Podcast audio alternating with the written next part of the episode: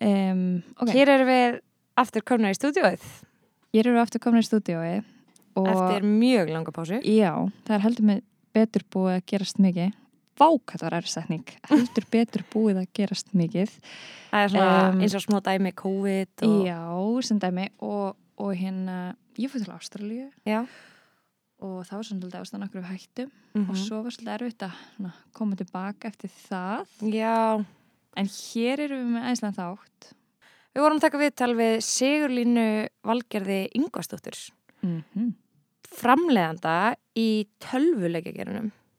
hefur um, meðal annars verið yfirframlegandi hjá FIFA sem að flest allir þekkja og hefur svo líka verið í, í, Star Wars leikjunum Mm -hmm.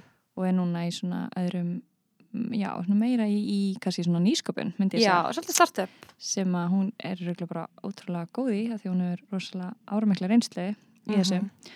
Um, þetta var rosalega skemmtilega þáttur og mjög fræðandi og hérna svolítið nördalegur kannski fyrir einhverja en þá má nú bara Það er alltaf skippa hægt að taka yfir eitthvað. það. Veist, er ekki? Er ekki alltaf hægt að taka eitthvað frá, frá einhverju sem að, sem að maður sjálfur hafa kannski ekki byllandi áhuga á töluleikjum. Þá var samt ótrúlega margt sem hún saði sem að maður tengi við og, og magna bara að heyra hennar sögu í rauninni og, og Mhm. maður veit ekki að miklum hvern fyrirmyndum í töluleikjum. Nei, sko, áður en ég hlustan þátt að ég aldrei ímynda mér að ég geti einhver tíman unnið við tölvuleiki Akkurat. en hún í alvörunni seldi mér Já, að því að hún basically hefur bara svona grunn, bara venjulegan í rauninni háskóla grunnu, þetta verkfræði miðan starffræði miðan kannski og kann að leysa göggunum og hérna eitthvað svoleiðis en, en hefur um þetta eitthvað þú veist, verið í svona alls konar verkefnum rítstýri og þannig og mm Mhm. þú veist, þetta- þetta framleiða í rauninni starf er sjúklega kreatív og, og bara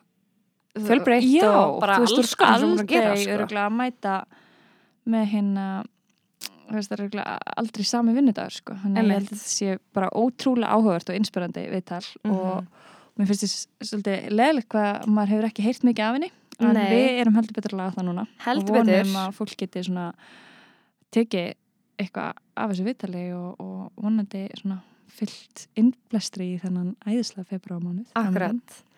Og hún, Sigurlína, verður líka, mun flytja lokaerndi á UAK ráðstefnunni sem verður 27. februar og þannig að fyrir þá sem er að fara þangað þá er þetta geggjað þáttu til að kynast henni ennþá betur. Um, já, er þetta ekki bara Jú, neglið þáttur? segi bara gjör þessu vel og, og góða ferð Góða ferð.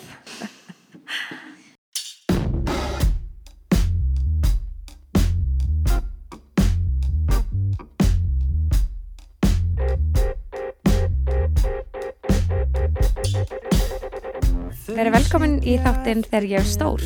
Ég heiti Valarún Magnúsdóttir. og ég er Vaka Njálsdóttir Gestur okkar að þessu sinni er Sigurlína Valgerður Ingvarsdóttir, framlegandi hjá Bonfire Studios. Verður velkomin til okkar.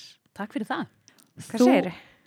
Ég segi bara mjög gott. Það ekki? Ánægð að vera kominingað. Já, gott að heyra bara heiður að fá þig. Já, við hérna fyrsta held ég svona sem við pældum í var sko sérstaklega því þú hefur nú svolítið mikið verið að vinna erlendis hvort að þú sér köllu segulína eða hvort þú meðum kallaði eitthvað annað Heyrðu, þið megi bara kalla mig línu. Já. Það gera það flestir. ah, það er aðeinslegt Ég var um þetta að hugsa bara hvernig hérna einhver úti myndi byrja þetta fram sko, hvort það var Sigurlæn Sigurlæna Sigurlæna Ég hef heyrt margar svona mismunandi, misgóðar útgáfur af Já. ánafninu mínu. hver er besta? Það er góð spurning. Það er oft best bara að ákveða sjálfur hvað þú vilt vera kallu og, og Já.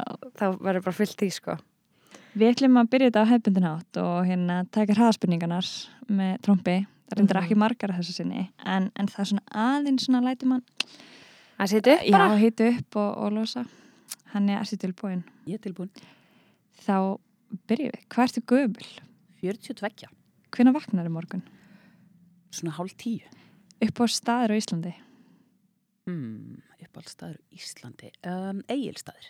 Upp á Sporg Kaupmannhöfn. Ertu með leindan hæfileika? Já.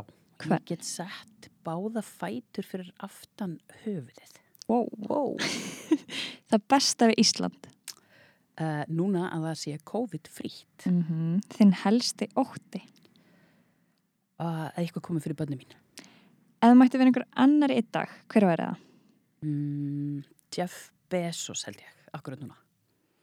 Getur þú líst þér í þrem orðum? Um, já, kvadratisch, praktisch, gut, alveg eins og ríktarsport. Uppáhalds matur? Um, sushi og nautikjöt. Geggjað. Þetta var æðislega tjá þér. Já, þú stóðst þér mjög vel. Og já, ég hef bara vallað bara strax í. Einmitt. Finnst ykkur þetta svona ekki rólega ræðspurningar? Svona, hvað, hvað er uppáhaldsmaturinn þinn? Við erum að koma okkur í gýrin, sko. Nei, mér finnst það svo skemmtilegt. Heyrðu, hvað hérna, við byrjum þetta alltaf á, á skemmtilega spurningunni sem að svona leta okkur svolítið svona byrja þannig þátt. Mhm. Og það er þessi spurning sem að held ég allir spyrja sig að uh, í gegnum, gegnum æfina. Og það er hvað vildir þú alltaf verða þegar þú verið stór? Í rauninni, hvað viltu verða þegar þú ert stór Mhm. en svona á yngri árum? Ég á nefnilega tvö svolítið svona skemmtileg svör við því. Ég veit ekki hvort Mhm. þið muni eftir svona minningarbókum sem hafa með í, í grunnskóla. Það sem að, að maður átt að fylla út svona uppáhaldslitur og uppáhaldsmatur og mitt svolítið eins og þessar spurningar sem við vorum með. Og þá var einmitt líka spurningin hvað ætlar að verða þegar þú verður stór. Mm. Og þegar ég var átt ára, þá ætlaði ég að verða hrossaræktar ráðunautur. Hrossarækta ráði nautur. Hvað er það? Já. Hrossaræktar ráðunautur, það er manneskja sem að, að sem sagt, veit mjög mikið um íslenska hestin og er mikið að spá í ræktun hrossa, þar að segja hvaða hrossa og para saman til þess að búa til Já. góða reykþesta eða ræktunahesta. En þú hefur verið í hestum. Ég var mjög mikið í hestum Mm. en ég var líka alveg bara brjálæðislega mikið nörd og las rosalega mikið af bókum þannig ég fór sérst á bókasafnið og tók svona ættbækur um sérst, íslenska hesta. Svo las ég og þeir eru allir í svona númeraröð Mm. og svo lærði ég hvað er hétu og númer hvað er voru og hvað engunir þeir voru með og hvernig svona af hvað ætt þeir voru og svo let ég vini mína og, og fjölskyldina spyrja mig númer á bara 963 hervar frá söður króki og þetta fannst mér mjög spennandi sem barn en ég man líka mjög mikið eftir því að þegar ég var barn þá sá ég hérna um, sjónvastáttarserju sem hétt LA Law. Og í LA Law voru sem, sem svona freka cheesy svona lögfræðinga þáttaserja bandarísk að þar voru mjög mikið að konum í drögtum með skalatöskur sem unnur rosalega mikið og, og voru svona high powered og það sáði svona frægi hjá mér og ég ætlaði að vera svona high powered kona. Ok. þannig ég held að, að, að það hafi svona þegar ég fór að hugsa svolítið um fyrirmyndir og einhvern veginn hvernig Mhm. byrtingarmyndir hvenna í bókum og bíómyndum og sjónvastáttum áttaði mig á því að þarna voru kannski svona þú veist, þetta voru kannski einu þátturinn sem ég sá það sem var, voru konur í einhver svona high powered hlutverki Mhm. og hérna, þannig að ég ætlaði að vera það svo leis Hvar voru þetta síndir? Ég ætlaði að vera á stöð 2, svona 85-6 eitthvað svo leis Þetta er svo fyndið hvað þetta hefur mikil áhrif. Já. Bara fyrirmyndir. Mm brjálæðislega mikil áhrif Bara- og, og rannsóknir sína bara mjög stert fram á þetta Mm að þetta skiptir ótrúlega miklu máli Einmitt. En hérna, hvað elstu upp? Þú nefndir Egilstað aðan, ertu það? Neða? Nei, ég elst upp í Reykjavík, bjó fyrstu árun mín í Hafnafjörði og svo í, í Reykjavík en fjölskyldan mín, uh, föðurfjölskyldan á lítið hús rétt fyrir utan Egilstaði. Það sem við fórum oft á sumrin og það sem ég var mikið á hestum og í göngutúrum og fekk að- hitta frændfólk mitt sem býr á héraði og, og fjörðunum um kring Mhm. og bara svona í minningunni er þetta algjör sælureitur. Mhm. Já, við báðum þekkjum það. Við höfum ekki verið á Ístalandi, Mi- sko. Mikið vera Bæði báðu fjölskyldur okkar og svona. Þannig þetta er æsli staður, líka ekki margir sem hafa komið mikið fyrir austan. Fattaði maður svolítið í sumar þegar fólk byrjaði að ferðast mikið um landið. Það var svona, þegar maður fóru á Austurlandi það voru margir sem voru bara, já, hinga hef ég aldrei komið. Mm Og það er svolítið erenda að sækja ef maður, er, ef maður er að mæta á Ístæði, sko. Já, einmitt. Svolítið svona að fara að hitta einhvern. En, en þú varst þá í, í grunnskóla í Hafnafjörði, eða hvað? Nei, ég byrjaði, ég fór sérst í Ísaksskóla þegar ég var, byrjaði fimm ára í Ísaksskóla þegar það var bara rétt eftir að við fluttum til Reykjavíkur Mm og sem sagt kláraði Ísaksskóla og fór síðan í Langholtskóla sem var minn hverfi skóli átti heima í Álfeimunum Mhm. það við hliðin á Laugardelnum -hmm.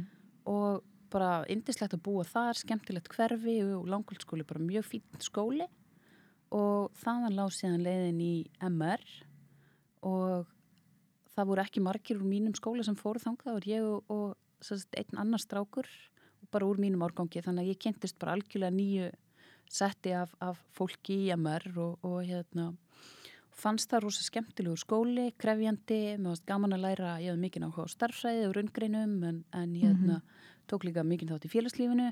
Fórstu í MR að því að þú vissir að vera erfiður? Já. Fórstu Ég út af náminu? Ég fór, já, mér hafði alltaf gengið mjög vel í skóla Mhm. og hafði haft rosalega gaman af því, ég fekk góður engunir hérna í grunnskóla og, og fór einmitt, fór í MR að því að, að hérna, að því ég vissi að hann væri erfiður, ég hefði öruglega, ef ég hefði búið fyrir norðan, hefði ég öruglega farið í MA Mhm. að því að, að hérna, pappa og mamma fór í MA en hérna, fyrst ég bjóð fyrir sunnan þá fór ég í MR og það hafði í raun og verið enginn í minni fjölskyldu sem ég þekkti farið í þann skóla, ekki sko í nærfjölskyldunni Nei. en mér fannst það, ég, þetta, ég er svona pínu svona gamaldags inn í mér og mér fannst þetta, þetta hendaði mér vel Já.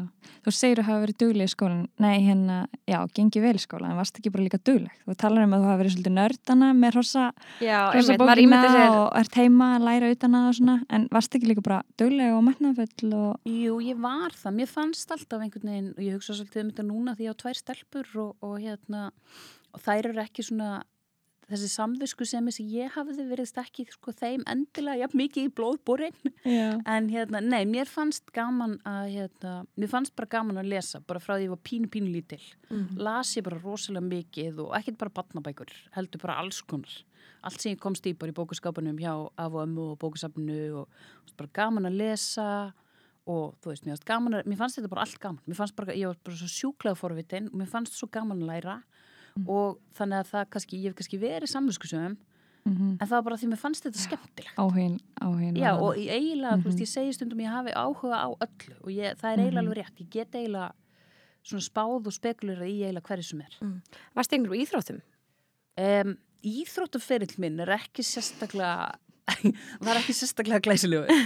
Ég var að tefla og ég var á hestum og ég spilaði pínlítið badminton en það var svona kannski, þú veist, hestamennskan svona átti hugminn allan þá til ég var úlingur Mm. og það er ekki fyrir en bara núna í segni tíð að ég farið að sko stunda íþróttir og þú veist, þá kannski meira fjallgöngur og hlaup og sund og jóka og svona, þú veist, Mm. svona midlife crisis íþróttir komin í spandex og gönguskið. Já, einmitt. Sem var svona COVID eila bara starta einhver svaka bombu í öllum þessum greinum, sko. Já. Algjörlega. Algjörlega. Þannig að þú er svona svolítið, svolítið barni sem ert einmitt að læra og tefla og hestum og, og bara, já, frekar draum, mikið svona drauma barn í mínum augum eins og ég er að reyna að ímynda mér þetta. En þegar þú ferða úlingsárin, hvernig, hvernig úlingur varstu? Herri, ég var, ég held ég að vera svolítið fyndin úlingur að því leiti. Ég var, mér gekk áfram rosalega vel í skólanum og ég var samvinskusöm og, og hérna, skynsöm og allt þetta. En ég átti líka mjög mikið af vinum sem voru að, að hérna, í alls konar svona, eh, þú veist, voru í hljómsveit og það var svolítið svona að fara í kraftgalannir í bæjum helgar og, og hérna, svona þessi pakki sem er kannski ekki lengur sem betur fer til staðar en var svolítið þegar mín kynslu var að koma upp var svolítið bara svona krakkar með blandi brúsa nýri bæ Já. um helgar og, og hérna, þannig ég átti svona hressa vini og, og hérna, tók alveg líka þátt í djamminu og, og, og svo framvegis og framvegis og var svona eiginlega einhvern veginn svolítið á öllum vikstöðum. Mm Varstu þá, varstu djammar í MR? Já og svona svolítið meira kannski, svo fór ég í, í sko, fyrstu tvö árin í mér var ég rosadugleg og gekk vel og var með, með hérna, fínir einhvernir. Setni tvö árin mín, þá var ég alveg á fullu í félagslífinu og hérna, ég var sérst, bæði í herranótt og svo var ég rittstjóri skólablaðsins og ég var að vinna með skólanum og sérst, þegar ég var í fymtabæk, á þriði ári, þá hérna uh, var pappi minn sem var búin að vera veikur bara mjög mikið uh, frá því ég var lítil með krabba meginn og hann lést sagt þegar ég var í, í, hérna, í fymtabak og þá má ég að segja að námið hafi svona fengið að, að víkja fyrir eiginlega öllu öðru. Og hérna, þannig að einhverjum svolítið fenguð að, að, hérna, að finna fyrir því en, en, hérna, en ég er ekki frá því líka, ég hafi svolítið kannski lært meira á félagslífinu heldur en kannski ég átti von á, ég hugsa það að ég sé sko framleiðandi í dag sé alveg í beinu samhengi af því að ég var eitt stjóri skólablasins og, og var sett upp leikrit á herranótt og áttaði mig á því að ég hafði gaman að því að fá fólk til að vinna saman og gaman að því að vinna í verkefnum. Akkurat.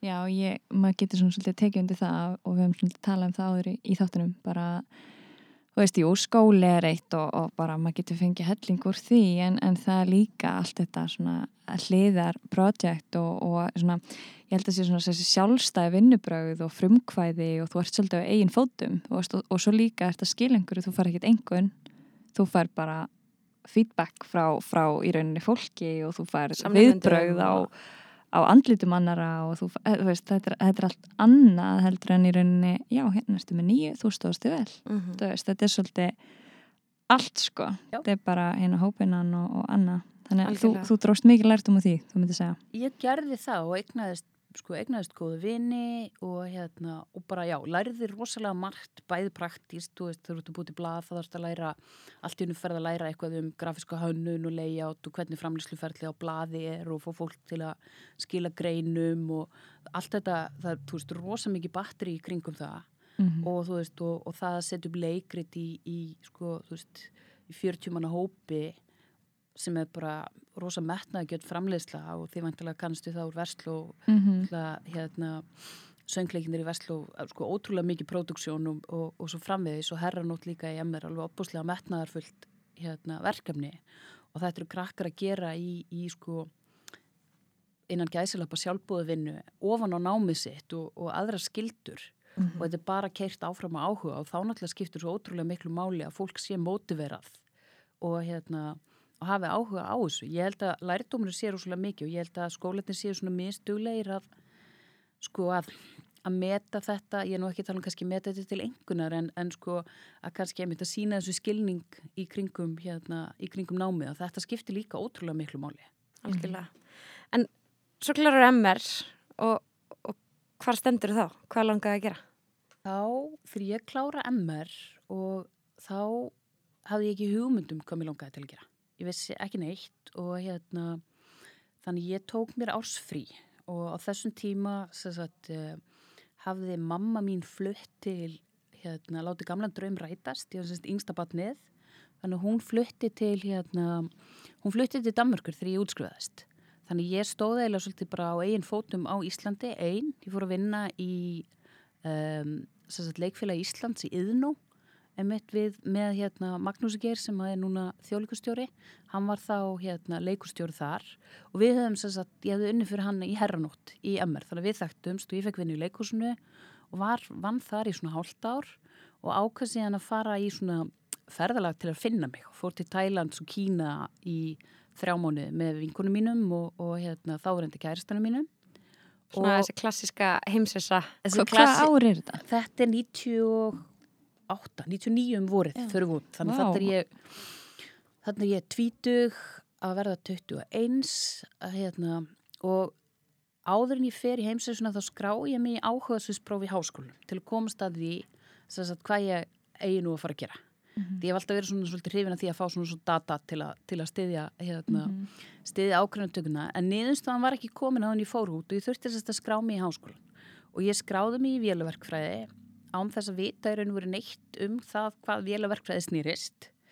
En af því að mér fannst það einhvern veginn vera svona fag þar sem ég væri að loka sem fæstum dyrum. Þetta myndi gefa mér svona praktiskan grunn. Mhm. Klassíst, eða svona Mjög klassískt. Já. En svo þegar ég kom heim að þá hérna og fekk niðurstöðuna þá hafði sem sagt samt sem áður vélaverkfræði komið efst á áhersust brónu mínu. Já.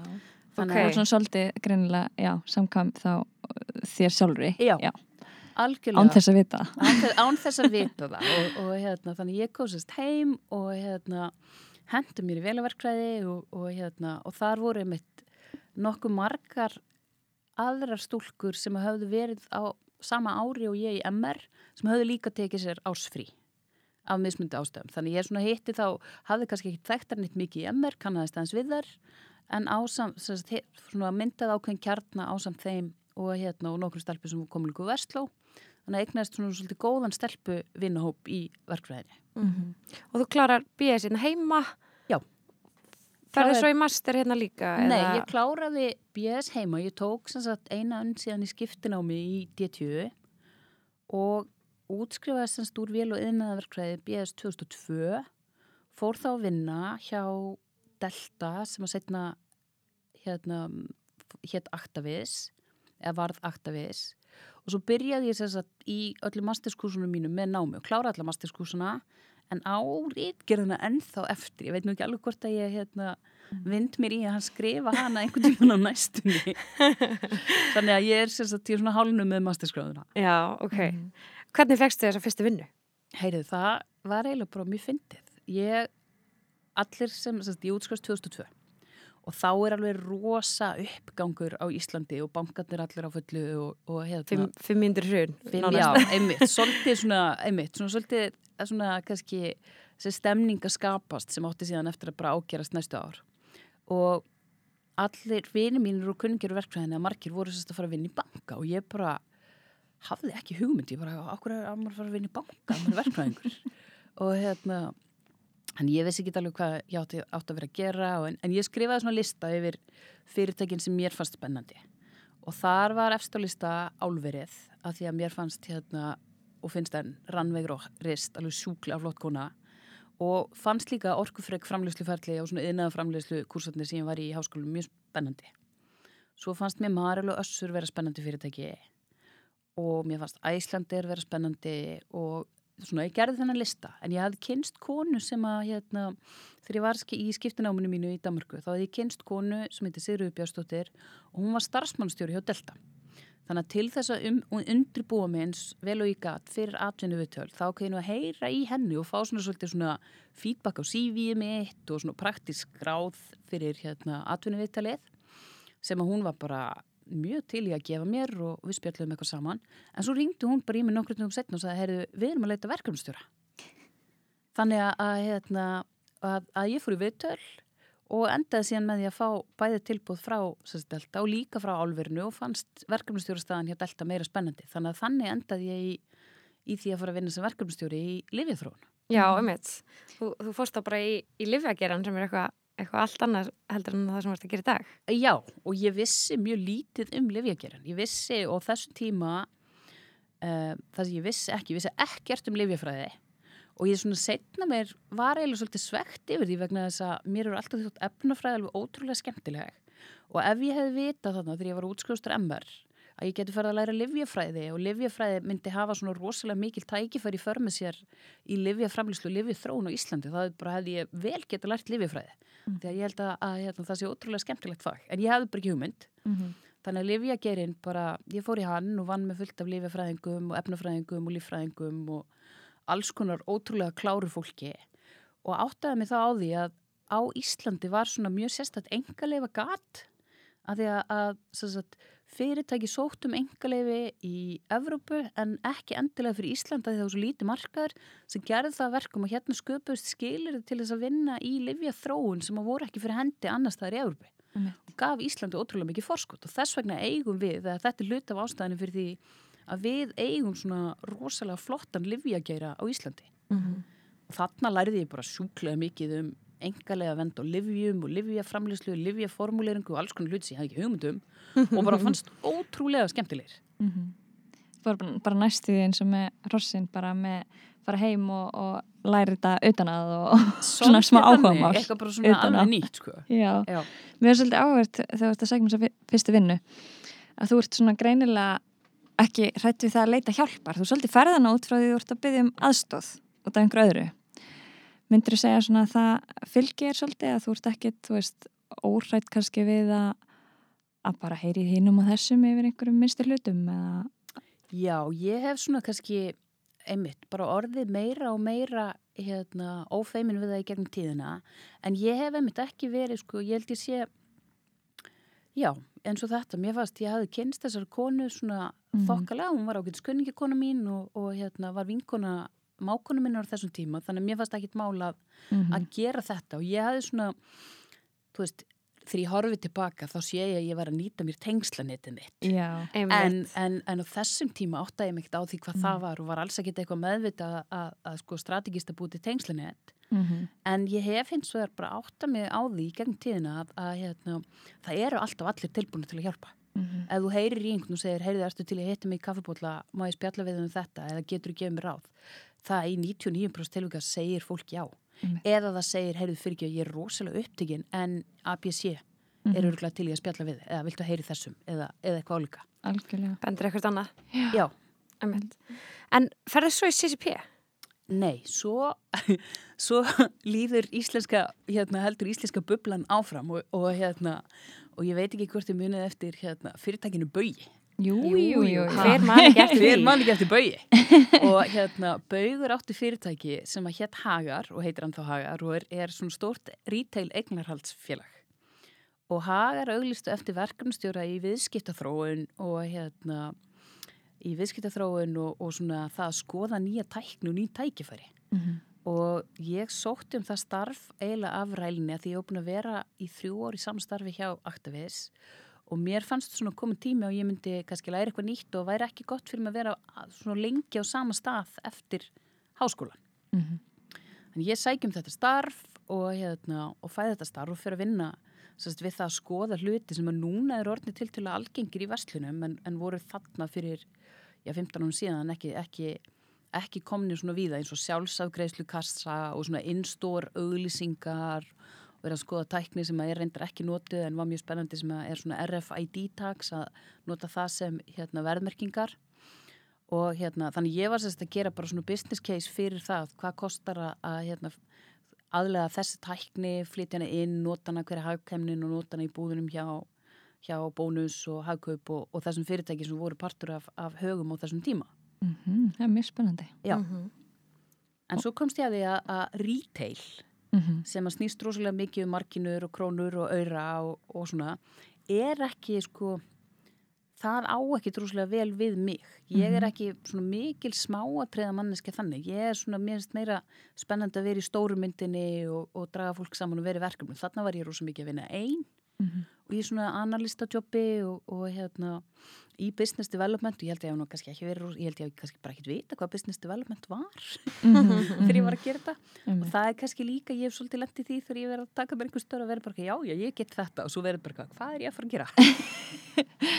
Einmitt, mér það einmitt hérna ég sá, var einmitt að lesa þetta viðtal hérna við þig þar sem þú ert að tala um þegar þú ferði í CCP sem við þá ekki alveg hvað hva ár það er, hvernig er það? Heyrðu, það er 2006, Já. ekki, hausti 2006 Að þú bara, þú veist, og þetta er stóra fyrirtöki og þú bara hefði ekki hugmynd um hvernig, hvernig tölvuleikir eða, eða þannig virkar en fer bara í þetta starf og, og ert í rauninu ennþá í dag að vinna í þeim geira hafður aldrei spilað tölvuleiki eða hafður aldrei verið eitthvað, þú veist Jú, ég hafði spilað tölvuleiki svolítið mikið sem barn Já, og? Og hérna, já, ég hafði svo sagt, um, ég hafði spilað í svona spilakössum sem krakki Mhm. á hérna þegar við sagt, fjölskyldan vorum í, í, í, á, í sólalöndum og þá voru kannski spilakassasalir með spilakössum og þá spilaði ég þar. Svo átti bróðu minn Sinclair Spectrum 12 og ég spilaði leiki á henni og ég spilaði leiki á, á í tölfunni hans og var ekki fyrir en ég var sko 12 ára þá fekk ég svona Gameboy, Nintendo Gameboy og Já. það var í fyrsta skipti sem ég átti, átti tölvu Mhm. og verandi nörd þá gerðist ég strax áskrifandi að tímaritinu GamePro Já, ok. og fekk sett, Auðvitað. Heim tímaritin tölvuleiki en þetta var það líka samt þannig að veist, ég var á Íslandu það voru engar svona tölvuleiki búðir þannig ég var alltaf að lesa um einhverju tölvuleiki sem ég var ekkert að fara að spila því ég átti kannski þrjá tölvuleiki og þetta blað var um alla nýjustu leikina ekki bara á Gameboy heldur á, á alls konar mismunandi önnur hérna, aðra leikitölfur og ég las fóðu mikið um þetta og fannst þetta svona spennandi en, en þú veist þarna einhvern veginn svona alltaf að rannsaka svolítið og, og, og skoða. En mér dætt aldrei í huga að ég færi að búa til tölvuleiki. Svo hætti ég mest að spila tölvuleiki og, og hérna, spilaði enga tölvuleiki þegar ég var í mentaskóla þegar ég kom upp í háskóla að þá voru svona þá voru strákarnir í, í, hérna, í bekknum mínum, þeir voru oft að spila einhverja hérna, skotleiki svona í, inn í tölvustofunni þar sem vorum að vinna og, og hérna, mér fannst það ekkert spennandi meðan þessi skotleiki er ekki þú veist, mér fannst drengniðin ekki aðlegand og þeir höfðu ekki til mín Mhm. og svo spilaði ég svona, þú veist, ég spilaði einstakarleikið eftir ég, sko, ég egnaðist í fyrsta skipti tölvu og mér svolítið fyndið einhvern veginn að maður svona einhvern veginn eins og maður sé einhvern veginn frá fornum. Ég egnaðist mína fyrstu tölvu sem ég átti sjálf, svona turntölvu, þegar ég var 21 á, á síðasta árinu í verkfræðinni. Annars hafði ég bara verið í sko lánstölvu hjá bróðum mínum eða tölvu í tölvustofunni í skólan Mhm. og þegar ég eignaðist þessa tölvu að þá setti kærasti minn einhverja leikin á hana, þá byrjaði ég eitthvað aðeins að spila og hérna, svo fyrir ég að spila leik sem heitir Civilization sem ég elska ennþá. Og ég svona að byrja aðeins að spila en, en svo, þú veist, þegar ég fór að vinna eftir verkfræðin, þá var ég ekkert að spila henni töluleiki Nei. en ég hins vegar þekkti krakka sem voru að vinna hjá CCP og ég hef alltaf verið rosalega hrifin af vísindaskáldsögum og fantasíum og lesi rosa mikið af því og spila roleplay og eitthvað svona.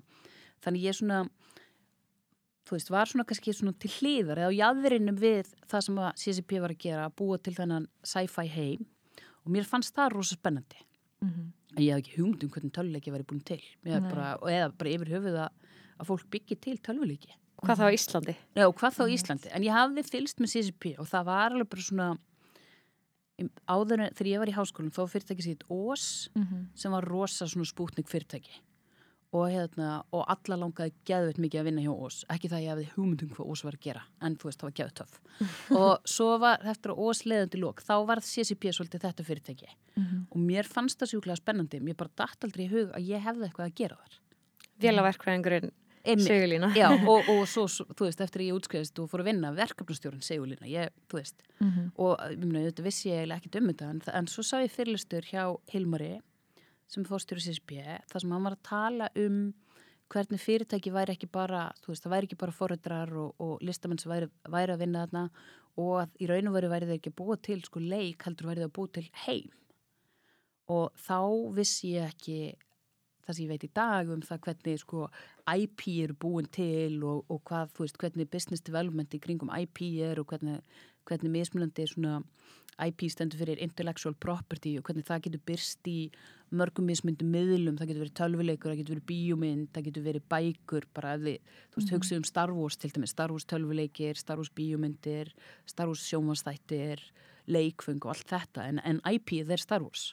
Og þegar hann fór að tala um þetta, þá bara mér fannst þetta sjúklega spennandi. Mér fannst þetta bara geggja það væri bara heil hópur einhverju fólki að, í einhverju gömlu fristúsinir og höfn að búa til heim Akkurat, þetta er bara annar miðl í Al, rauninni. já, Já. bara nýr miðl. Já, me, já meira svona eins og heimur kannski líka veist, þú ert í rauninni að búa til einhverju personu sem að þú ert ekki hér en, en þú ert í, í einhverjum öðrum heimi Mhm. mm -hmm. en ekki það, ég veit eitthvað um töluleiki en ég ætla ekki að fara hérna að tala mikið um það frá minni, minni svona já, mínu sjónurinn, en mér finnst rosa áhugað hvernig þú fer inn í það, þú sér þennan fyrirlestur og hvernig, hvað gerir svo? Hver er næsti skrefin og hvernig kemst inn í CCP það sem var svolítið fyndið var það að því að hafi verið þarna hjá högum og hérna, mér fannst ekki droslega gaman í vinninni það var, þú veist, gott fólk og flott fyrirtæki og þú veist, og svona prestigious og ég haf með rosa fín laun og, og einhvern veginn en mér fannst ekki gaman, það kveikti ekkert í mér.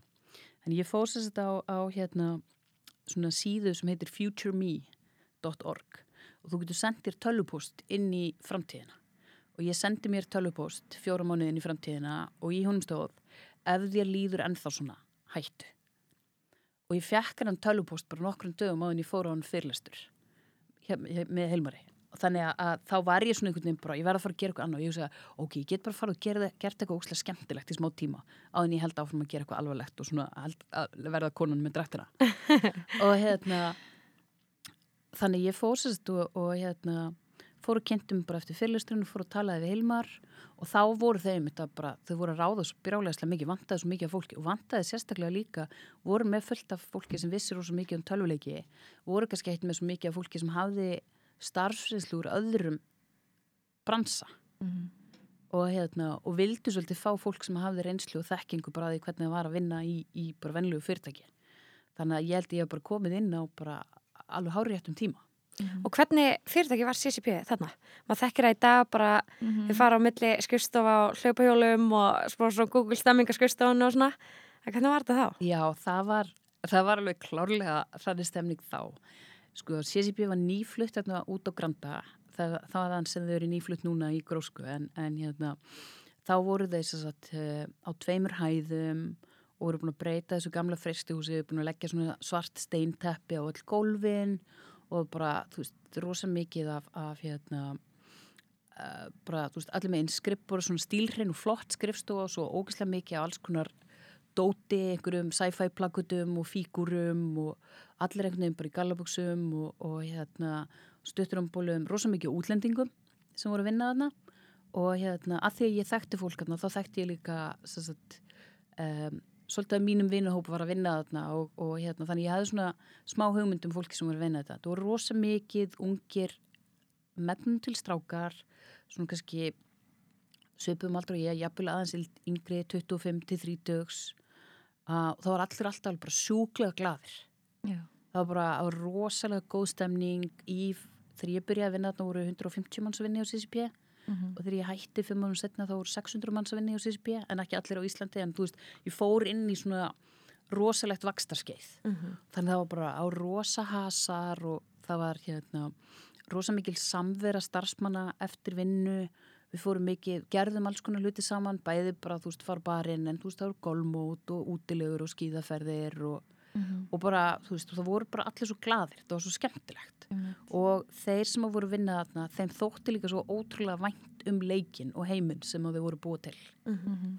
Og hvað, þú veist, hvernig var kynja hlutalli? Hvernig, hvernig upplifið þig, veginn, eh, hvernig upplifið þú að, koma hann inn í, í einan heim eiginlega? það var sko það voru, þegar ég kom þarna þá voru þetta mér langar svona að skjóta á að það var kannski verið 90% kallmenn 10% konur og það var líka svolítið svona um, ójafn dreift af því leita voru fleiri konur í fjármáladildinni og í HR-dildinni og uh, einhver leiti markastildinni en færri í þróunardildinni. Ég held að það hefði verið því ég byrjaði þá held ég að það hefði ekki verið komin neitt sko kvenkins forriðra til dæmis. En þetta breytist síðan svo þú veist og það var og það var erfitt, það er erfitt þegar þú ert með svona rosalega skakt kynjuhlutuall, mm -hmm. þá er erfitt að fá konur inn, af því mm -hmm. það er erfitt bara að koma inn og þú ert bara eina konun og það er 20 kallmenn Mhm. og ég hef oft verið þar og það er bara, þú veist, maður þarf svolítið bara einhvern veginn bara, já, já, ok sopna kjarki og, og stíga inn í það og, og hérna og það er þetta líka að gera það kannski svolítið að verkum að það er líka svolítið erfitt að vera ef þú ert einhvern veginn með eitthvað perspektíf sem er annað og kannski er svona um, þú veist, kannski kvennlegt perspektíf varðandi eitthvað hluti, þá er líka svolítið erfitt að koma það inn í svona hóp sem er svona einslitur. En þarna kynntist ég líka hérna svona einnig minni bestu vinkonu sem við höfum snúið bökum saman í gegnum tölubransan eða töluleikjabransan og hún er núna markastjóri í Battlefield í, í hérna, er að vinna í þróun Battlefield í, í Svíþjóð og hún er líka að vinna saman hjá DICE. Þannig að ég egnaðist strax mjög góðar vinkonur líka inn í, inn í CSP og hérna, en ekki það að, að, að sko strákandi voru líka flestir alveg frábærir og egnaðist rosa mikið á góðum vinnum þar en það eru þetta svolítið svona þú veist, það að fara inn í, inn í svona skattkynni hlutvall það er, veist, það, það er svolítið erfitt og það er svolítið svona donding og svo venst maður því bara Já. og ég, þetta var náttúrulega líka kannski svolítið þannig þegar ég var í Elsvæðbekki í, MR þá voru átjón strákur og þrjá stelpur Mhm.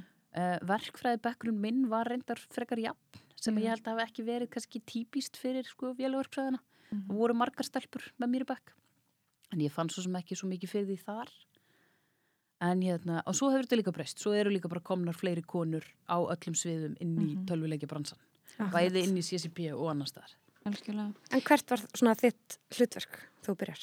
Þegar ég byrjaði þá byrjaði ég sem framleiðandi og var að vinna aðalega í EVE Online ekki í leiknum sjálfum svona leikjathróun heldur var ég að var með verkefni sem var að koma sagt, eh, svona uh, svona voice client hugbúnaði inn í leikin þá keftu við það, þá, þá þjónustu frá öðru fyrirtæki og þú veist integrata inn í EVE, það var eitt af mínum verkefnum.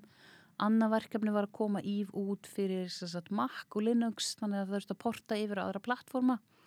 Uh, eitt verkefni var sem var mjög skemmtilegt og, og ég gæti svona svolítið nýtt mér uh, reynsluna úr blaðáttgóðinu var það að ég sagt, bjóð til svona coffee table artbook úr ív heiminum Mm.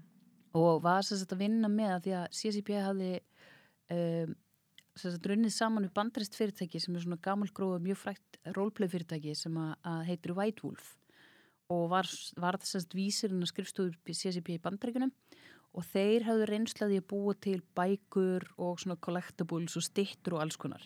Þannig ég fór í það að búa til prósessinum og það að koma og búa til svona ífskip úr plasti og, og alls konar þannig. Þannig ég var í alls konar verkefnum tengdum íf en ekki beint í, í sko beintni vöruþróun á leiknum sjálfum til að byrja með. Þetta er svona koffjartborg, ertu bara að tala um bara bara í rauninni bara svona eins og mynda Já. sögur eða, eða þannig, já. Já, bókin heitir sérst The Art of Eve og í raun og veru fjallar bara um það hvernig Eve var til og hvernig, hérna, og svona svolítið sagan af Mhm. svona visual art direction á Eve Online. Já. Og hérna, hafði alltaf langað til að gefa út bók, þannig mér hafði mjög skemmtilegt, mér, þykir mjög vænt upp þessa bók í dag að hafa hérna, hafa gefið hann út og, og, og unnið að henni. Þú kemur inn þá, þú veist, þú ert í rauninni framleiðandi, er það ekki, Jú. í, eða svona pródúser inn í CCB. Þannig að það er svolítið, þú veist, ég var svolítið bara, ég veit eiginlega ekki alveg hvað framleiðandi er og sérstaklega ekki, jú, ég get ímynda mér að þú ert, maður heirt um tala um kvikmyndaframleiðslu og, og allt hannig. Svo er ég bara, já, framleið, veit ekki hvað hún gerir. Það, veist, það er svolítið svona, já, Og það er svolítið fyndið að því að ég hef að, sagt, allan minn fyrir í töluleikibransunum og enn þann dæta að þá heiti ég framleiðandi. En ég hef gert alveg rosalega ólíka hluti undir þessum titli framleiðandi. Að því svo er ég líka, sagt, uh, ég fór í fæðingarálof, uh, átti dóttur mína ár eftir ég byrjaði hjá CSP og kom svo tilbaka og var þá, sagt, fekk promotion og var senior producer. Og þá fór ég að vinna miklu meira í svona samþætta ferla og budget fyrir þá voru við komið þrjá leiki í þróun í þremur skrifstofum. Þannig að þá var ég framlegandi en með hlutverk sko að sapna saman upplýsingum og gera sérst, vinna með hinum framlegandurum að áallana gerð í raun og veru fyrir alla þróunadildra og vinna með executive producernum sem var yfir öllu bara í því að láta svona central organization virka sem ég svona kannski í raun og veru er ekki reynd framleganda hlutverk. Mm þannig að, að og samanskapið þegar ég var að vinna í, fyrir þreymur árum á FIFA að búið til strategíu, þá var ég líka í það var mjög ólíkt öðru sem ég hef gert sem framlegandi, þannig að hérna, þetta er svona titill þar sem að þú getur, það, það kemst margt fyrir undir þessum titli. emitt, emitt. En svo þú nefndir hérna DICE áðan. Þú fer svo út og, og fær vinnu hjá DICE. Já, ég fór fyrst reyndur að vinna hjá Ubisoft í, í Malmö í eitt ár en fór svo til DICE í Stokkólmi 2012. Og Fannst þið mikill munur að vera í þessum bransa úti og einna heima? Já, mér fannst það, en ég held líka sko bæði uh, á Íslandi var það auðvitað þannig að, að CCP var langstæst, það voru önnur töluleiki fyrirtæki en CCP var langstæst og með í raun og veru með vöru sem var í miklum rekstri og skapaði rosalega miklar tekjur og var orðið alvöru fyrirtæki en CCP sem töluleiki fyrirtæki vex náttúrulega í raun og veru kannski úr veist, í umhverfi þar sem eru engin önnur fyrirtæki í kring sem eru sambarleg. Þannig að, þess svona kannski þess leikurinn berðess merki en fyrirtæki berðess líka í raun og veru merki. Og hérna, svo koma út þá er DICE stúdíu sem er í eigu Electronic Arts og Electronic Arts er, er þarna á þessum tíma 10.000 manna fyrirtæki sem er með 20 stúdíu út um allan heim og hafði keift DICE nokkuð mörgum árum DICE hafði verið sjálfstætt stúdíu og verið síðan keift af EA þannig að það hafði svona, það var einhver svona sambland á milli þess að vera sjálfstætt en vera partur af miklu stærra organisation. Þannig að það voru miklu meiri ferðlar og miklu meiri stöðlun og sko eh, miklu meiri sko fagmennska en það er samt erfitt að segja fagmennska svona, þú veist, það var ég upplifði það sem svona fullorðnara fyrirtæki Mhm, meiri CCP strúktúr já, meiri svona, struktúr og minna kaos já. Mhm. en náttúrulega líka kannski svolítið bara að því að það var um, það var einhvern veginn bara partur af þessu stóra alþjóðlega fyrirtæki en það hafði líka ekki, sko CCP hafði þarna gefið út og rekið Ívon Læni í, í mörg ár þegar ég var að vinna hjá þeim uh, DICE er jafn gamalt CCP, líka stopnum 1997 en hafði verið að gefa út leiki sem sagt hafði gefið út miklu, miklu fleiri leiki því það hafði verið að gefa út leiki svo bara ferði að vinna næsta leik og gefur út næsta leik og meðan Já. CCP gefur út Ív og heldur alltaf áfram að stækka og reka heiminn en það var ekki viðskiptamótileg sem að DICE var að vinna með Mhm. Ég get líka ímynda mér CCP, þú veist, með svona stórt fyrirtæki en þú veist samt með hennan íslenska sko frasa þetta rettastæmi, hann er að þú veist ég get ímynda mér, þú veist, með svona stórt batteri og einhvern veginn Íslandingar en samt bland við, þú veist, eitthvað worldwide situation, að það getur auðvitað mynd, maður getur alveg ímynda sér stemminguna á svona vinningast- vinnustað sko, en sem er líka bara flott, Og náttúrulega ógs mjög hratt líka, sem náttúrulega gera kannski erfið að halda ykkur struktúr Já, algjörlega og, og hérna óks rosalega hratt og óks líka hratt sko, þú veist, það óks hratt á Íslandi en það var líka sko stór skrifstofa í Kína og það var skrifstofa í Bandaríkinum og skrifstofa í, í hérna í Newcastle og Englandi og það, það öll þessi löndir náttúrulega með mjög mismunandi kúltúr og, mm -hmm. og þú veist, þú veist að vinna með fólki yfir mismunandi hérna, sagt, ja, á mismunandi tímbeltum þannig að Mhm. þetta var þó að sko ákveðinleiti var þetta, þessa, þetta kátíska, þetta reddast en að samanskapi var líka búið að búið til rosalega góðan svona samskiptastruktúr Mhm. og þú veist, það var, var verið að reka fyrirtæki rosalega hratt í mörgum löndum og hérna, margt rosalega flott sem var gert það. algjörlega En Ég hvaða, að hvaða töluleik varst að vinna hjá DICE? Uh, þegar ég byrjaði að vinna hjá DICE þá var ég sem sagt, uh, fyrst var ég í ár sem sagt, staðgengil hérna, konu sem er í dag mjög góð vinkunum mín og heitir Sara Jansson og er núna executive producer á, á hérna, Minecraft í Svíþjóð. En þarna var hún að leiða teimi sem var að búa til leik sem heitir Mirror's Edge Catalyst. Og hún var að fara í fæðingarólof og hérna, fór í fæðingarólof í ár og meðan hún var í fæðingarólofi þá var ég að, hérna, reka þetta teimi og sagt, skala það upp og, og, og gera leikin tilbúin til framleyslu en svo þegar hún kom tilbaka þá hérna, tók hún bara við verkefnu og þá hittist svo vel á að, að DICE var búið að, að hérna, á báka að DICE myndi búa til Star Wars Battlefront sem að var fyrsti leikurinn sem kom út í samstarfi EA og Disney eftir að Disney keifti Star Wars IP-ið af George Lucas.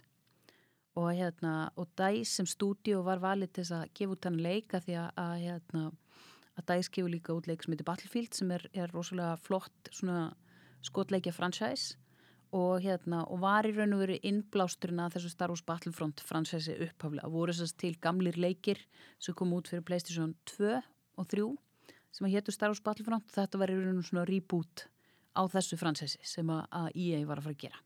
Þannig að þarna var ég held í hennu bara beðin um að stýra Star Wars töluleik hvernig var svo tilfinning veist, og, og einhvern veginn að útskýra það fyrir kannski öðrum á, á bara, veist, heima á Íslandi bara já, ég er inn að byrja að vinna Star Wars tölvuleik hvernig, hvernig leiðir og leiðir þú veist einhvern veginn eins og þú værir á þinni hillu og, og hvað hillaði þið við þetta? Mér fannst þetta sko, mér fannst þetta mjög órunverulegt Mm. að ég væri að fara að vinna á Star Wars og ég held að við kannski hjálpa mér svolítið að þegar ég var að, að byrja að, að taka þetta verkefni þá var stúdíóið á fullu að klára að gefa út Battlefield tölvuleik. Þannig að það hafði eiginlega engin eitt rosalega mikinn tíma fyrir þetta verkefni.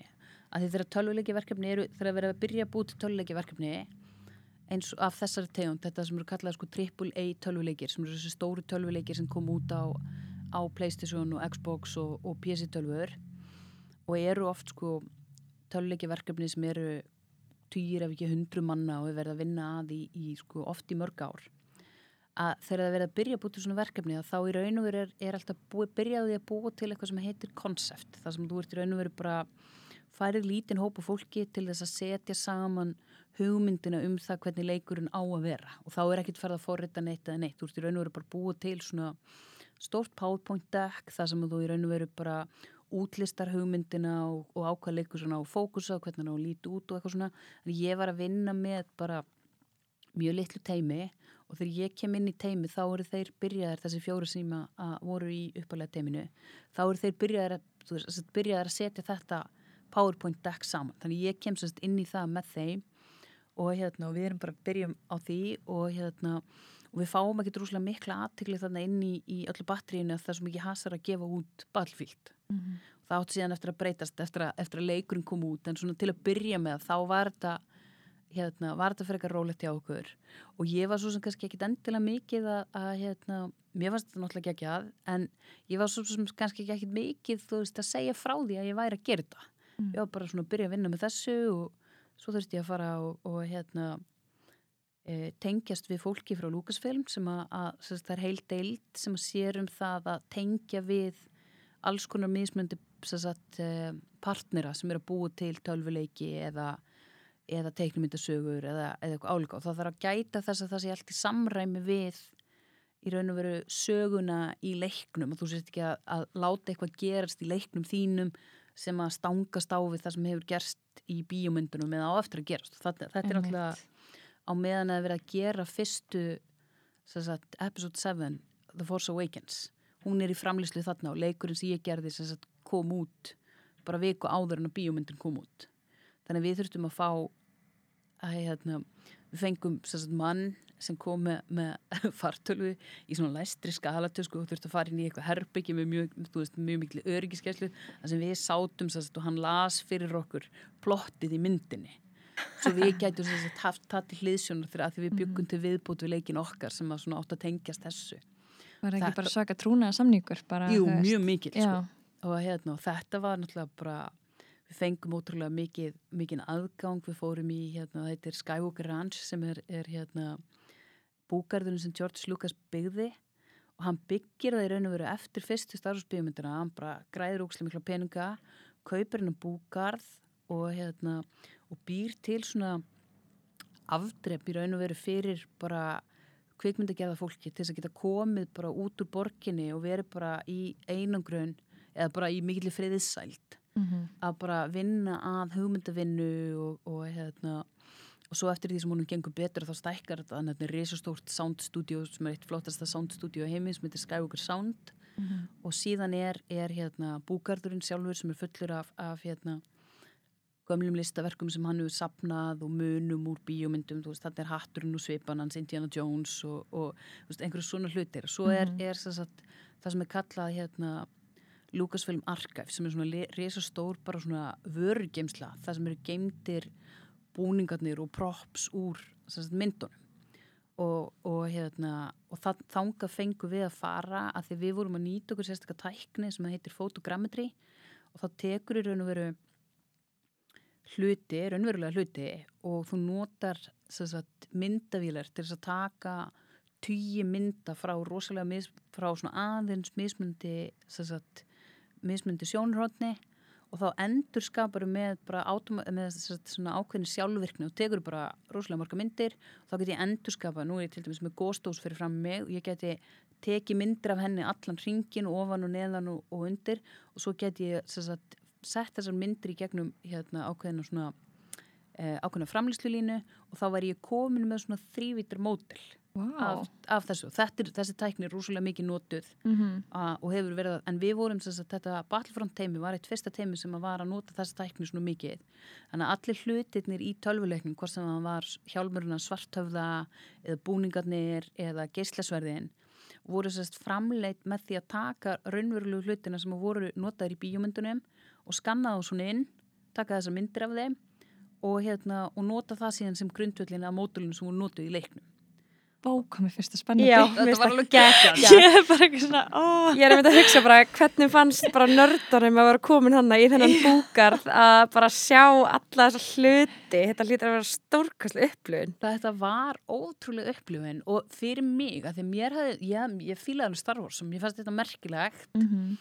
Það sem mér fannst merkilegast, ég man eftir því þegar ég las um það í hérna, ég las í tímariti um þess að, að, að Disney hefði keift hérna Star Wars af Lucasfilm og ég hugsaði, vá, þarna eigum við eftir að sjá bara IP development, þá bara eftir að, að bara carpetbomba heiminn með Star Wars sem er líka það sem við höfum séð, bara það er komið Star Wars í Disneyland og það er, Mhm. þú veist, Mandalorian og, Þú og veist. hérna Rebels og þú veist, tviðsvarsinum þrjár hérna kvikmyndaserjur og bara þú veist, þeir eru búin að bara, þú veist Mhm. algjörlega expósa Star Wars eins mikið þeir geta og mér fannst það sjúklega merkilegt bara þetta, hvernig þessi, svona, þessi business development pæling, hvernig þeir myndu sagt, og þú veist það sem þeir hafa gert er þeir gerðu sko þú veist, trílógíuna sem kom út hérna, episode 7, 8 og 9 og svo gerðu þeir Rogue One, gerðu svona dekkri serju og síðan gerðu þeir sko batnaserju, þannig að þeir hafa líka verið að búa til sko Star Wars fyrir alla mismyndi aldurshópa og bara gert þetta bara rosa,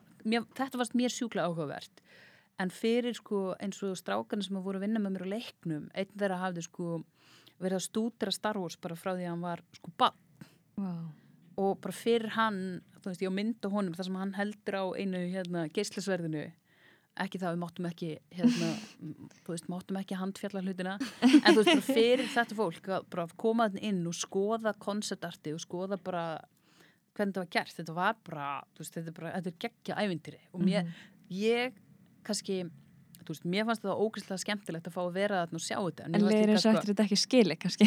já, svona, veist, ekki, ekki jafn mikið á þeim Já. en svo náttúrulega hérna impostor syndrómið bara classic. Já, svona kannski ákveðin leiti því ég var eitthvað bara að byrja að vinna á Star Wars og bara hver er munurinn á Tatooine og, og, hérna, og Endor og var eitthvað bara, þú veist, þurfti að læra Mhm. þú veist, viss alveg, jú, það var hérna þessi plánunda, þú veist, ísplánundan og, og Mhm. sandplánundan og skóplánundan og eitthvað svona, svo náttúrulega eftir að vera búin að vera, þú veist, algjörlega immersed í því í þrjú ár, þannig að, þú veist núna kann ég þetta allt, en þarna, þú veist, ég ertu bara að læra fullt af nýjum hlutum. Og það sem var geggjað við þessar stráka sem ég var að vinna með sem eru ennþá vinni mínir í dag er að þeir voru bara, ég var bara, heyrðu, ok, nú þarf ég bara, þið þurfu bara, þú veist ég, ég var bara að spurja alveg ótrúlega margra spurninga og þeir voru bara, já, ok, og svo bara útskýrðu þeir allt og bara kendu mér allt og ég læriði bara af þeim bara, og þeir voru og það sem mér fannst svo geggjað með að vinna með svíjum að hérna sænskir kallmenn eru bara rosalega miklu feministar Mm. og bara upp til hópa mjög indislegir og mér fannst svo rosa gott að vinna með þeim þú veist, mér fannst þetta hérna, þú veist, að því að svo þegar ég fór að vinna í, í Kanada með hérna, svona, í meira norðuramerskum kultúr að þá er meiri svona þú veist, þá er einhvern veginn svona kynja viðhorfi, þá finnum maður fyrir því að það er öðruvísi, en ég fann það aldrei í Svíþjóð ég fann bara einhvern veginn, mér fannst bara alveg geggjastlega gott að vinna með Sví Að jafningja- leiti? Já, Þú Veist, hva, hvar fannst þér á, á hvað svona vik, vikstöðum? Mér fannst bara svíjar, bæði konur og kallmenn, einhvern veginn vera svona, mjög svona félagslega meðvitað upplýst fólk Mm. og mér fannst bara svolítið komíst og skemmtilt að sjá það bara það, veist, að það var, þú veist, ég var kannski að vinna kynja hlutvöldin þarna voru til dæmis ekki mikið öðruvísin hjá CSP. Ég var eiginlega bara að vinna með kallmennum en það var eiginlega ekki fundafært eftir klukkan fjögur af því þeir voru allir farnir að sækja á dæmlið Einmitt. og hérna, eða þá þeir voru í burtu í halvt ár í fæðingrálaui. Mhm. Þú veist, það var bara bara kulturinn bara er bara þannig og ég var með sko, þú veist, yfirmaður stúdíósins egnaðist batn og, og þú veist, og svo voru við á einhverjum geitfundi og þá bara sa, var hann með strákin í fanginu og ruggunum og bara, þú veist, hann var í fæðingrólu hann þurfti að mæta á hann fund og þú veist, og það var það bara, það bara mætt hann, var bara með batnið að skipta á bara, þú veist, oft sér konur gera þetta en í Svíþjóð var þetta oft bara, þú veist, ég einhvern veginn upplifði þessa jöfnu þáttöku og þessi, þessi viðþór til þess að það væri jöfn, jöfn þáttöka og upplifði svíja sænska kallmenn rosalega miklu þáttakendur sem fóreldra og bara að þeim hátt að þeim finnist það bara algjörlega sjálfsagt Einmitt.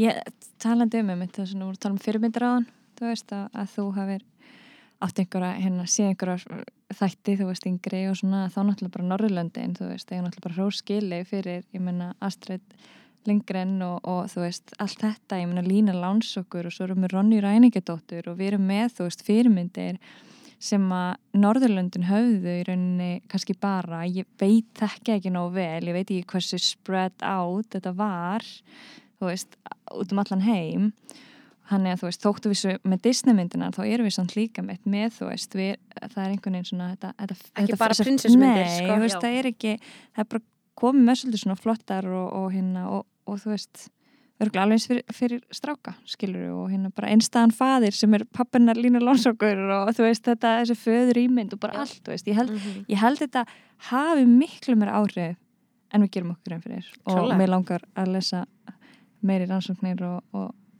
þú veist, um þetta sko. Já, Mhm. það er alveg brjálegislega hérna, hún Gina Davis hún Já. er með það sem heitir Gina Davis Institute uh, for Gender in Media mm -hmm. og hún hefur sem sagt, verið bæði að berjast rúslega mikið fyrir breyting byrtingamöndum í, í kvikmyndum og, og sjónvarpi en gert líka rúslega mikið af hérna af rannsókn, þannig að það er á, á sagt, uh, uh, þessu Gina Davis Institute heimasíðinni að Mhm. þar er mjög mikið af efni sem er einmitt sínum manni hvernig þetta er í, í sko, bíómyndum og, og sjónastáttum og væntanlega veist, svipaða rannsóknir hafa aldrei ekki verið gerðar fyrir tölvuleiki Ég ætla að einmitt að spyrja bara talað um byrtingamyndir bara hvernig eru byrtingamyndir kvenna í töluleikjum? þær eru rosalega oft í litlum fötum og með stór brjóst Einmitt. Svona sem við erum allar. Já, eins og við erum alltaf bara, ég er alltaf í, í, hérna, í stuttbuxum og svona, með svona breastplate Einmitt. og risastór brjóst. Já. Það, er- það mér finnst það mjög fyndið svona í svona slags, slagsmáluleikjum. Sérstaklega ef við færum í bardaga, Já. þá myndum við út. Já, þá myndum við vera Þú veist, þá- næstum því Já, naktar 100%. en með, með sverð og með svona svona einhverja blötu fyrir brjóstunum. Já, það er líka hefur breyst og það er, er til dæmis skemmtilegt að, að hérna, þessi leikur Mirror's Edge Catalyst sem að, að ég var að vinna á, hann var sagt, leikur nummer tvö í seríu sem heitir Mirror's Edge. Og aðalsuð heiti hann í þeirri seríu er, er hérna Asís Kona.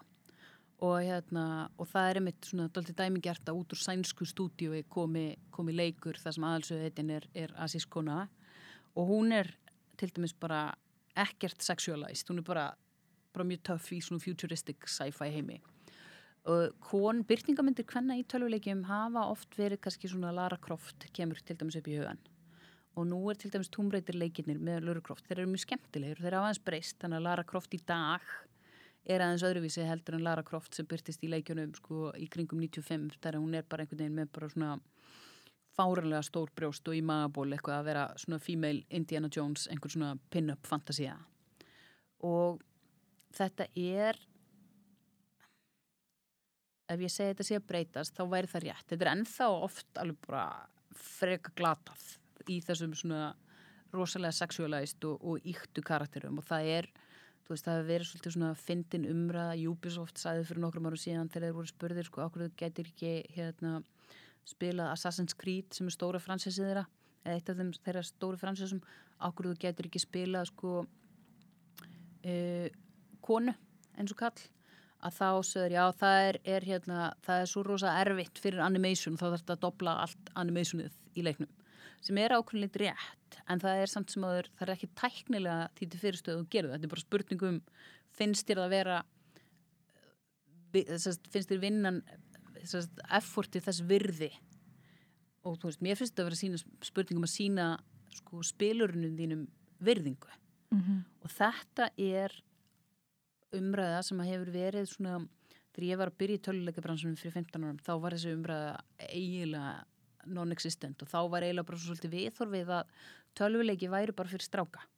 Og það væri bara strákar sem hefðu áhuga á tölvuleikjum og stelpur hefðu ekkit áhuga á tölvuleikjum eins og það var eitthvað náttúrulega mál. Og ég er svona kannski keift þetta ákveðin leita því ég hefði ekkit verið að, að hérna, spila neitt rúslega mikið á tölvuleikjum. Þángar til ég áttaði mig síðan á því þegar ég fór að skoða tölvuleikja söguna og lesum tölvuleiki og skoða bransan að, að þeir voru rosa mikið hannaðir af kallmennum fyrir kallmenn án þess að, að einhvern veginn sko veltaði fyrir sér að konur gætu haft áhuga á því að spila tölvuleiki og það eru auðvitað fullt af konum síðan sem spila tölvuleiki Mhm. og hérna, þetta er svolítið eins og að segja bara já um, konur les ekki bækur eða Mhm. kallmenn horfi ekki á sjónvarp það er bara er Þvílík bara- bara- alhæfing. ég er bara fárulegt að Mhm. ímynda sér einhver miðill höfði ekki Nei. en þú veist, það getur eins og að vel verið að, að kannski að þú veist, aksjónmyndir höfði meira til annars kynsins heldur en hins eða þungrokk meira til annars eða ballöður, me- þú veist, það er, það er, það er, það er kannski eitthvað svona breytt á milli ákveðina svona kannski sjandra innan miðlana Mhm. en þú veist að heill miðill höfði ekki til annars kynsins og ég meina ég sé það líka bara þrjára á stelpuna mína sem báða að spila mikið á tölvuleikjum að, að hérna, þú veist að það er algjört bull Mhm. og maður sér þetta sérstaklega bara maður horfður á börn, það er engin munur á kynjunum þar, þú veist, varandi tölvuleiki, hvort sem var þegar maður var lítill, þú veist, á leikineti og allt þetta, en ég held að sé um þetta á þú veist, svo þegar kemur þessu alvöru stóru production töl, tölvuleikjum að þú veist, eru þið að búa til leiki sem að einmitt kannski, þú veist, eru að höfða eða eru að reyna að ná til þennan hóps, veist, Akkurat. hvort sem við séum að tala um kalla eða konu, bara whatever, þú veist, þú er kannski með tvo A og B hópa þú veist, ef þú ert bara að fókusa á annan hópin, þá náttúrulega ert ekki að ná hinnum og, og ég meina ég man alveg eftir að hafa verið í einhverjum svona ógíslegum leikjum að bróðum mínum, þú veist og mér fannst það geðveikt, skilur, ég var bara 13 ára bara eitthvað að stelast í Playstation þú veist, en svo einhvern veginn þegar maður er eldri að þá líður manni svolítið, já, þetta er ekki fyrir mig Já. já, já, nei, ég er ekki velkomin þarna Akkurat. og það er, þú veist, ég veit ekki hvort ekki það er maður sem meðvitaður um það en ég held að sé mig, þú veist, það er kannski ekki alveg sem hefur okkur breyst, getur ímyndað mér að Ég- sé, þú veist Ég held að þetta kom bara aftur þú veist, það sem við vorum að tala um á, bara fyrmyndir Já, Þú veist, hver er alpersonan, oftast kall mhm, uh, hvernig er það markasett mhm. og þú veist, hver eru target er í markasendingu bara eins og í dag, þú veist, á samfélagsmiðlum og, og annað. Þannig að ég held að snúist líka svolítið um það, en ég meina kannski er þetta breytast með rafíþrótta leiknum og það er komið eitthvað svona rafíþróttir sem að er orð kannski sem að talar til bækja kynjana, þú veist, meira heldur en bara töluleikir Mhm. þannig að svona, það, er, það er mitt gisk er, veist. mm mér finnst það rosa skemmtilegt að sjá, það er til dæmis hérna, skemmtileg Facebook-grúpa sem ég er partur af sem að heitir hérna, TÍK, tölvuleikja samfélag íslenskra penna. já, og, hérna, og það er rosa skemmtilegt. Þar sé ég til dæmis, uh, það er svona í fyrst skipti sem ég verið í einhverju tölvuleikja grúpu sem höfðar einhverjum svona spjalli bara fyrir, hérna, bara fyrir konur og það er einmitt bara það sem ég er gaman að sjá, þú veist, það er rosa mikið af, af hérna, ungum konum sem eru bara á fullu einmitt í rafíþróttasinni og eru að stríma og bara eru, eru bara að gera alls konar en líka bara fullt konum mínum aldrei að spila alls konar leiki og hérna og bara svona ótrúlega skemmtilegt samfélag og, og einmitt sko þú veist og maður bara já, herri, já, hérna er þú veist þessi kona er, er þú veist hún er heim í fæðingrólofu með þrjú börn og hérna, hún er að spila, þú veist, Stardew Valley rosalega mikið og þess er að spila, þú veist, svona hardcore RPG-leiki og, og þetta er kannski þá bara átt að ég með allt í einu á því, ég er bara, já, og fylgta íslenskum konum á öllum aldrei sem að spila tölvuleiki sem hafa kannski ekkit endilega haft endilega einhvern vettvang eða fundist þar vera sérstaklega velkomnar Mhm.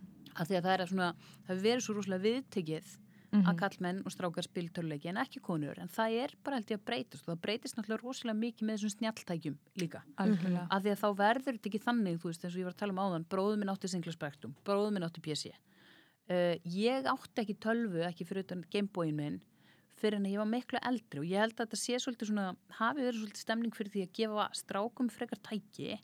En ég held að það sé engin stemning fyrir því að sko strákar eigi frekar síma eða iPad heldur en stelpur. Mhm. og það held ég að sé sko að þau, þessi tæki er orðin svo mikil leikjatæki líka. Já, að þá held ég að þetta sé bara að þú veist, þetta breytist bara því að aðgangurinn er jafn. Og kannski staðalímyndir líka breytast þú veist, maður hugsa alltaf um bara eitthvað sem elskar töluleiki inn í alveg svörstu herbyggi Já. með tvekja litra Já. Pepsi Max og snakk, æskilji þetta er bara staðalímyndin sem maður hugsa um. Þannig að og það er alltaf já krefjandi að breyta þessum staðalímyndum það er bara printað í mann frá því maður er lítill. Nákvæmlega og þess vegna einmitt þessar aftur, þessar fyrirmyndir hvað það skipta ótrúlega miklu máli. Mhm. að það eru þetta og ég meina eins og við sjáum sko, þú veist, þetta var, hver var að tala um þetta daginn í samtu við eins og til dæmis hlutfall hvenna í tölvunafræði var tiltrúlega jafnt þanga til sko 1980 og eitthvað og þá einmitt verður sko verða tölvuleiki faraðir að verða vinsalir og þessi stereotýpa af tölvunördinum sem kallmanni Mhm. verður til Einmitt. á sama tíma að þá svona reynur aðsókn hvenna í þessi fög tölunafræði til dæmis og það er, það er rosa skrítið þetta, er ekkit náttúrulegumál en þetta endur, þetta er veru gerist bara í framaldi af því að þessi stereotýpa tölvunördin verður til og hann er kallkins Mhm. Þetta er svona hak hakkarinn. Hakkarinn, algjörlega. Algjörlega. Þannig að en, en hérna mér finnst, við stórum að tala um þú veist þetta með símana og hvernig þetta er búið að breytast og þú ert náttúrulega í þessum bransa. Þegar snjálfsímaninir verða hérna svona taka svolítið yfir límans hvað ég myndi segja, hvenær myndi þú setja veist, við erum við erum sko, í grunnskóla. við erum í grunnskóla, við erum ekki með snjálfsíma nei, ég, erum fyrsta ára mentó, myndir ekki segja það? jú, þá átti ég iPod Touch. Já, Ég ég held að að það sé er svona 2000 og hvað, hva, 2012 2012 2000, já, 2012-2013 Fann, fannstu mun þú veist var mikið, hvernig, hvernig brást í rauninni svona tölvuleikja bransin við því einhvern veginn að, að það væri í rauninni bara komið tæki inn á heimilið sem væri með þú veist, entertainment 24-7 bara í hendinni Já. og þurftir ekki flutningabíl Já. til að flytja allt dótið. sko, ég held að töluleik, minnst þú svolítið fyndið sko, af því að, að hérna, Íf sí, þá, þarna var ég að vinna á Íf mm -hmm. og þá vorum við svolítið að tala um sko Íf á móbæl, hvað væri það og reyna að búa Já. til eitthvað svona einhverja leið til þess að interakta við tölvuleikin í gegnum snjálfsíman Mhm. og ég held að til að byrja með var þetta þannig að þá náttúrulega voru fyrstu símanir, fyrstu snjálfsímanir voru náttúrulega kannski ekki svo rosalega hérna kraftmiklir þannig að símaleikirnir veist, voru rosalega einfaldir. Mhm. og hérna og svona, þú veist, og, og tölvuleikja framleiðendur eða, tölvuleik, fólk sem vann í tölvuleikjum var svolítið svona dismissive á símana. Að þú gætir spilað einhverja alvöru leiki og, og það er svona svolítið loðað við fólk sem spila töluleiki eða svona það sem kallar sig geimera að þú þarft einhvern veginn að eiga þú veist, stærstu töluna með besta skjákortið og nýjustu, nýjasta konsolið til þess að vera alvöru geimir og hérna, þannig að til að byrja með var þetta þannig að, að hérna, að kannski svona þessi spilun á snjalltækjunum þótt ekki droslega merkileg. En eftir því sem að þeim hefur vaksið sko ásmegin hvað varðar bara hvað þau geta gert og líka bara þú veist þægindin, þú ert náttúrulega, þú þarft ekki að downloada hérna þú veist, þú ert bara með, með einhvern leik í símanu þínum svo bara tengdur og svo getur bara að spila þá meðan þú ert að spila á PC eða, eða á konsól þá þarftu, kannski ert ekki búin að spila nokkur dag og þú veist að downloada einhvernum patsi og þú veist, það er rosa prógram einhvern veginn að setjast kveiki á sjónvarpinu kveiki á konsólinu, uppdeita kannski leikin og byrja að spila og meðan þú tekur bara upp síman úr töskunni og getur bara að spila úr í, í strætó. Algjörlega. svo eru leikirnir að verða sko dýpri og flóknari og, og, hérna, og var tölvuleiki bransin svona frekar dismissive. En í dag er mobile bransin langstæsti hluti. Já. sko tekjulega séð er mobile bransin langstæsti hluti tölvuleiki bransin það þýðir samt ekki að spilun á PC og konsól hafi minkað á þessum tíma. Nei. heldur kakan hefur bara stækkað Já. og stækkað og stækkað. Og nú er talað um það að það séu þrýr miljardar manna sem spilir tölvuleiki Mhm. og þar eru lang flestir sem spila tölvuleiki á, hérna, á snjáltækjum Mhm. Það er ótrúlegt magn. Já. það er ótrúlega tala og Mhm. hérna og líka bara breyttina því nú er, er sko fólk á öllu aldurspili allt frá litlum krökkum upp í, upp í eldra fólk að spila leiki og, og hérna þannig að þessi hugmynd um geimirinn er að breytast Mhm. Algjörlega. En, en þú nefndir FIFA aðeins aðan. Eh, hvernig byrjar því? Ég sagt, flutti 2017, 1. janúar 2017 þá hérna fluttu við fjölskyldan til Vancouver í Kanada þar sem að FIFA er búin til og FIFA er eitt stærsti tölvuleikur í heimi og stærsti íþróttatölvuleikur í heimi og hérna Hafður þá, fegstu bóð um starf eða? Ég var sem sagt, uh, EA á líka hérna, stúdióið í Vancouver sem býr til FIFA og ég hafði sem sagt, uh, við fjölskyldan voru svona á því að, að við værum búin að vera svona kannski tíma okkur í Stokkólmi uh, væri á enda og við vildum prófa okkur annað. Þannig að við, sagt, ég fæ bóðum að fara að vinna á FIFA og fer að vinna á FIFA sagt, við í raun og veru í eitt ár við það búið til strategíu fyrir FIFA. Og það sem að, að hérna, ég í raun og veru var að gera var að ég var að skoða rosalega mikið svona annars vegar hvernig fólk spilaði FIFA uh, með því að skoða sagt, greiningar á gögnum um þá hvað er fólk að spila lengi, hvaða mót er fólk að spila, uh, á hvaða tímum er fólk að spila, hvað er það sem veldur því tröflunum og eitthvað svona, skoða bara sagt, í raun og veru notendagögn um þá sem voru að spila leikin, en líka markaðs rannsókn, rannsóknargögn sem að það sem voru, var gerður úrslega stór stúdi á því hvernig þeir sem að vildu kannski spila FIFA en komist ekki inn í hann eða fannst, þú veist, það var eitthvað sem kom í veg fyrir að geta spila, en hvað var það sem að þá sagt, hvað var það við upplifuna sem að, að hérna, þeir kunni ekki við sem var til þess að þeir held ekki áfram að spila?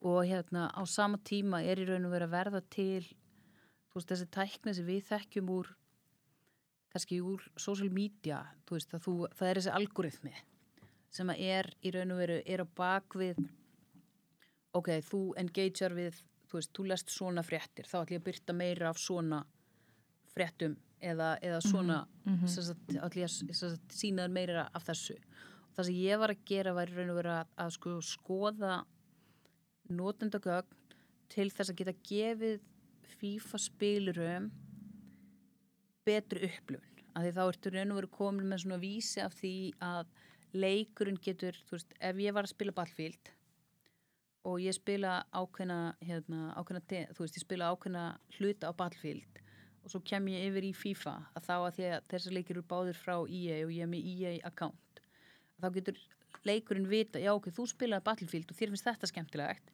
þá er kannski best fyrir því að byrja í þessum parti af FIFA versus að byrja í einhverjum öðrum. Og þá er verið að nota í raun og veru bara svona notendagögn til þess að reyna að alltaf að sífilt að bæta upplifin notandans hjálpa hann komast inn í leikin á réttum stað. Sjömi finnst þetta mjög manipulativ. Mhm. Uh, öðrum finnst þetta, hérna, mér finnst þetta vera eitthvað sem að, að sko, felur í svo rosalega mikil tækifæri að því ég var alltaf að reyna að fókusa það, ok, hvernig get ég gert upplöfunina fyrir nýjan spilara sem er að koma inn í FIFA og þarna nýtti ég mér það að ég var ekki core FIFA spilari og var svolítið að horfa á, þú veist, hvað mér fannst erfið. Hvernig get ég gefið sagt, notanda sem er aðeins öðruvísin hefðbundi, hefðbundi svona core FIFA spilari hvernig get ég gefið þessari mannesku færa að komast inn í leikin og læra hann og átta sig á allir breyt, breytinu sem hún býður yfir þannig að hún getur fundið sína skemmtilegu upplöfun Einmitt. Svolítið eins og að vera bara hérna starfsmæri lobby á hóteli og, og bjóða einhverjum velkomin og, og hérna, Já, ég var svolítið að hugsa hvernig getur leikurinn alltaf Já. bóðið velkomin sko. Svona Já, í rauninni. Já. algjörlega. Og hafður þið spilað FIFA árun og byrjar? Ég hafði, þú veist, ég hafði prófað hann og hérna, og þú veist, og mér fannst hann, sko, um, ég er ekki, þú veist, mér er bara gaman að horfa á fótbolta þegar ég er að horfa á íslenska landslið og þegar þeir eru að vinna. Já, EM, það sem okkur gekk úrslega vel. Og þú veist, og, og hérna, og mér, þú veist, ég er ekki einhvern veginn kannski, þú veist, alls ekki, þú veist, einhvern veginn, eh, alls ekki kannski svona target audience fyrir FIFA sem er sko yngra fólk og sérstaklega fólk sem hefur mikinn áhuga á fókbalta Mhm. sem, að- sem að ég hefði ekki. Ég hefði spilað hérna en FIFA er bara svo rosalega stóru breyður það er svo margar mismunandi leiðir til að spila og hérna þannig ég hefði spilað hann eitthvað aðeins bara upp á það að þú veist að ég geti skilið leikinn. En hérna en var síðan mjög mikið að vinna með hérna sagt, leikja hönnuðunum að spá í ok, við vitum það að veist, það sem við erum að sjá til dæmis er að ef við erum að horfa á krakkarna sem eru að spila Fortnite er að það skiptir þau rúslega miklu máli að þau geti customæsað karakterinn sinn, hvernig hann lítur út og, og hérna og veist, það skiptir máli að, að þú getur sem sagt í leiknum sínt fram á þann árangur sem þú hefur náð. Þannig að við vorum svolítið mikið að finna útrúið ok, hvernig getur við þróað nýja upplifun fyrir FIFA þar sem að þú getur í raun og veru verið að, að hérna að nýta sér þessa í raun og veru trenda sem eru rosa sterkir hjá það sem að kalla Gen Z sem eru þessir rosa ungu krakkar Mhm.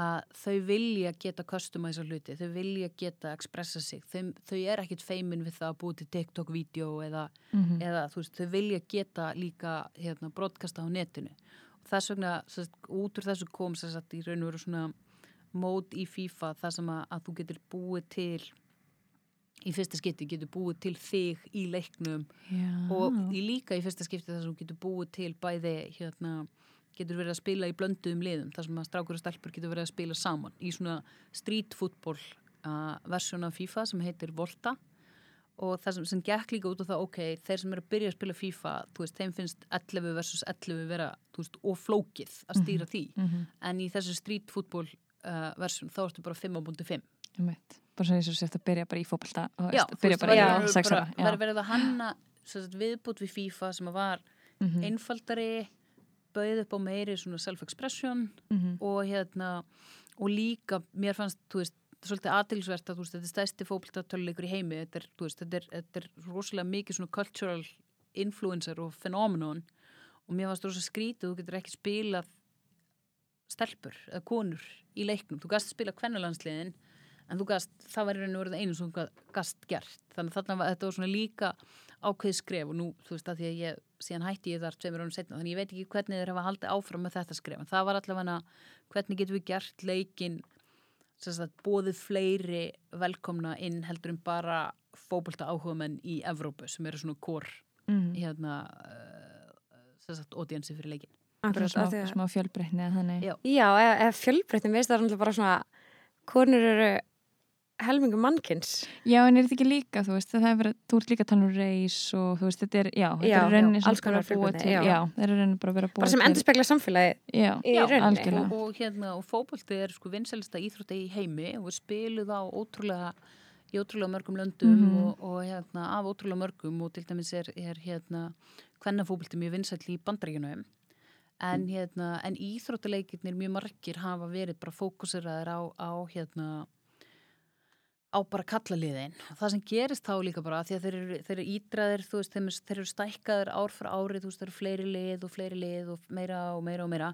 Svo allt í hennu bara, ertu allt í hennu kannski bara búin að þróa eitthvað í 20 ár og þú veist, og það er bara fókusirað á kallmenn og þá er svo dýrt Mhm. að þú veist, að þú ætlar að fara einhvern veginn í að, að þú veist, catch up og bæta við Mhm. hinnu, en þá ert allt í hennu líka bara því að, að þú veist, í tilfelli FIFA þá ertu komin með bara allar litla stelpur sem byrja að spila FIFA eru sex ára og eru bara eitthvað að byrja ég get ekki spilað stelpur Mhm. þú veist, það er verið að senda þeim ski, þeim, þau skilabóð Mhm. að þær er ekki, telist ekki með ja, algjörlega. og þarna finnst mér sko tölvuleikurinn sem miðill og sérstaklega þessi stóru og vinsælu hérna, vinsælu, stærstu og vinsælustu leikindir minnst þú bera ótrúlega mikla svona menningulega ábyrð Mhm. Klálega. Algjörlega. E, eitt sem ég finnst bara áhugavast sem að ég veit ekki hvort að þú veitir en, en ég man bara svona þegar maður var alltaf að, að þú veist þannig að customæsa þess að gaman að, Mhm. þú veist, klæða þau og velja, velja liðið og svona um, skiptir að máli, þú veist, eins og með íslenska kallalandsliði, Mhm. ef ég myndi velja Gilva sig, ef ég myndi velja Rúrik Gísla skiptir að máli, þú veist, er Gilvi að fara að standa sér betur í leiknum en, en Rúrik eða eitthvað þannig, þú Já, veist, sko, er, í- er það prógrama þannig? Já. Að, já allir, vá. allir það Ég þekki þetta ekki neitt það sko, er það heilt af fólki Já.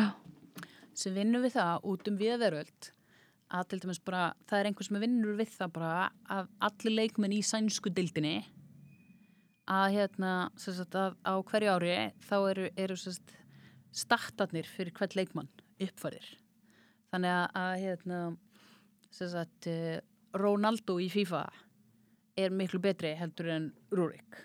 Mm og hérna, þannig að, að leikmennir eru fá engun eftir því hva, hversu góðir þeir eru.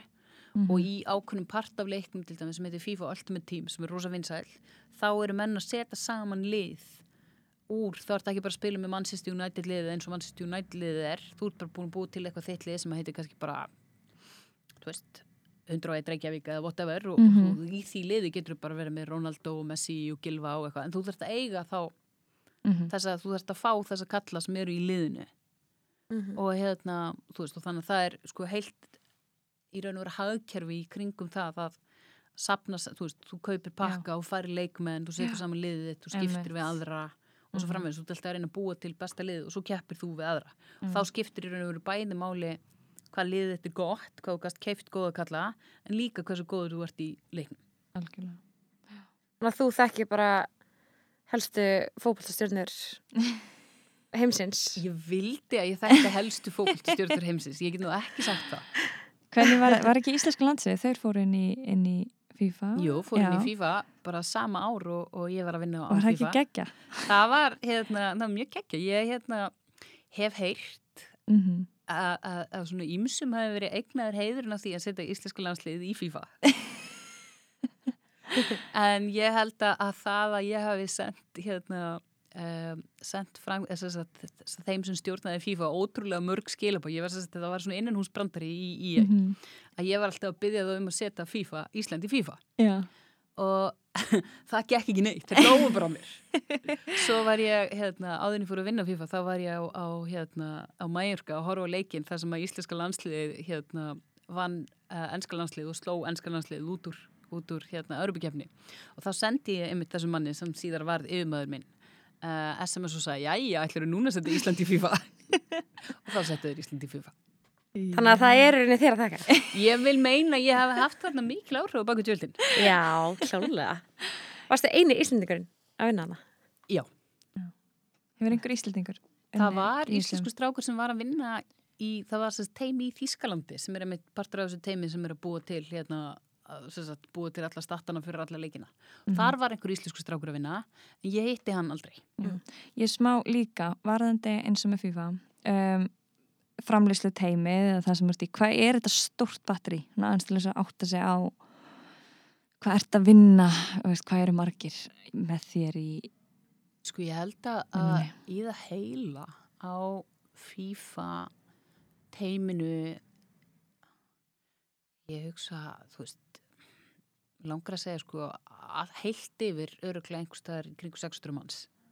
já, en í mörgum löndum, í mörgum mismundi teimum Mhm. uh, þú veist og það er, er þú veist, það var stórt teimi í Rúmeníu, það var stórt teimi þar sem ég var í, í hérna, í raun og veru tvö stórt teimi þar sem ég var í Kanada, það var stórt teimi í Þískalandi Mhm. og hérna, og þú veist, og svo er, þú veist, og þá er ég bara að tala um þróunateiminu, svo eru sko markasteimi út um allan heim og þetta er rosa stórt og dreift Já. batteri. Þannig að þú ert að meina 600 manns bara í þróun. Nei, ég, við, ég held að tei, allt FIFA teimið, sko, þróunin er langt stærsti hlutin. Já. Mhm. En hérna, já, þú veist, já, ég held, mér langar að segja 600 manns, það gæti verið eitthvað minna, en þetta var, þetta var rosalega stórt teimi.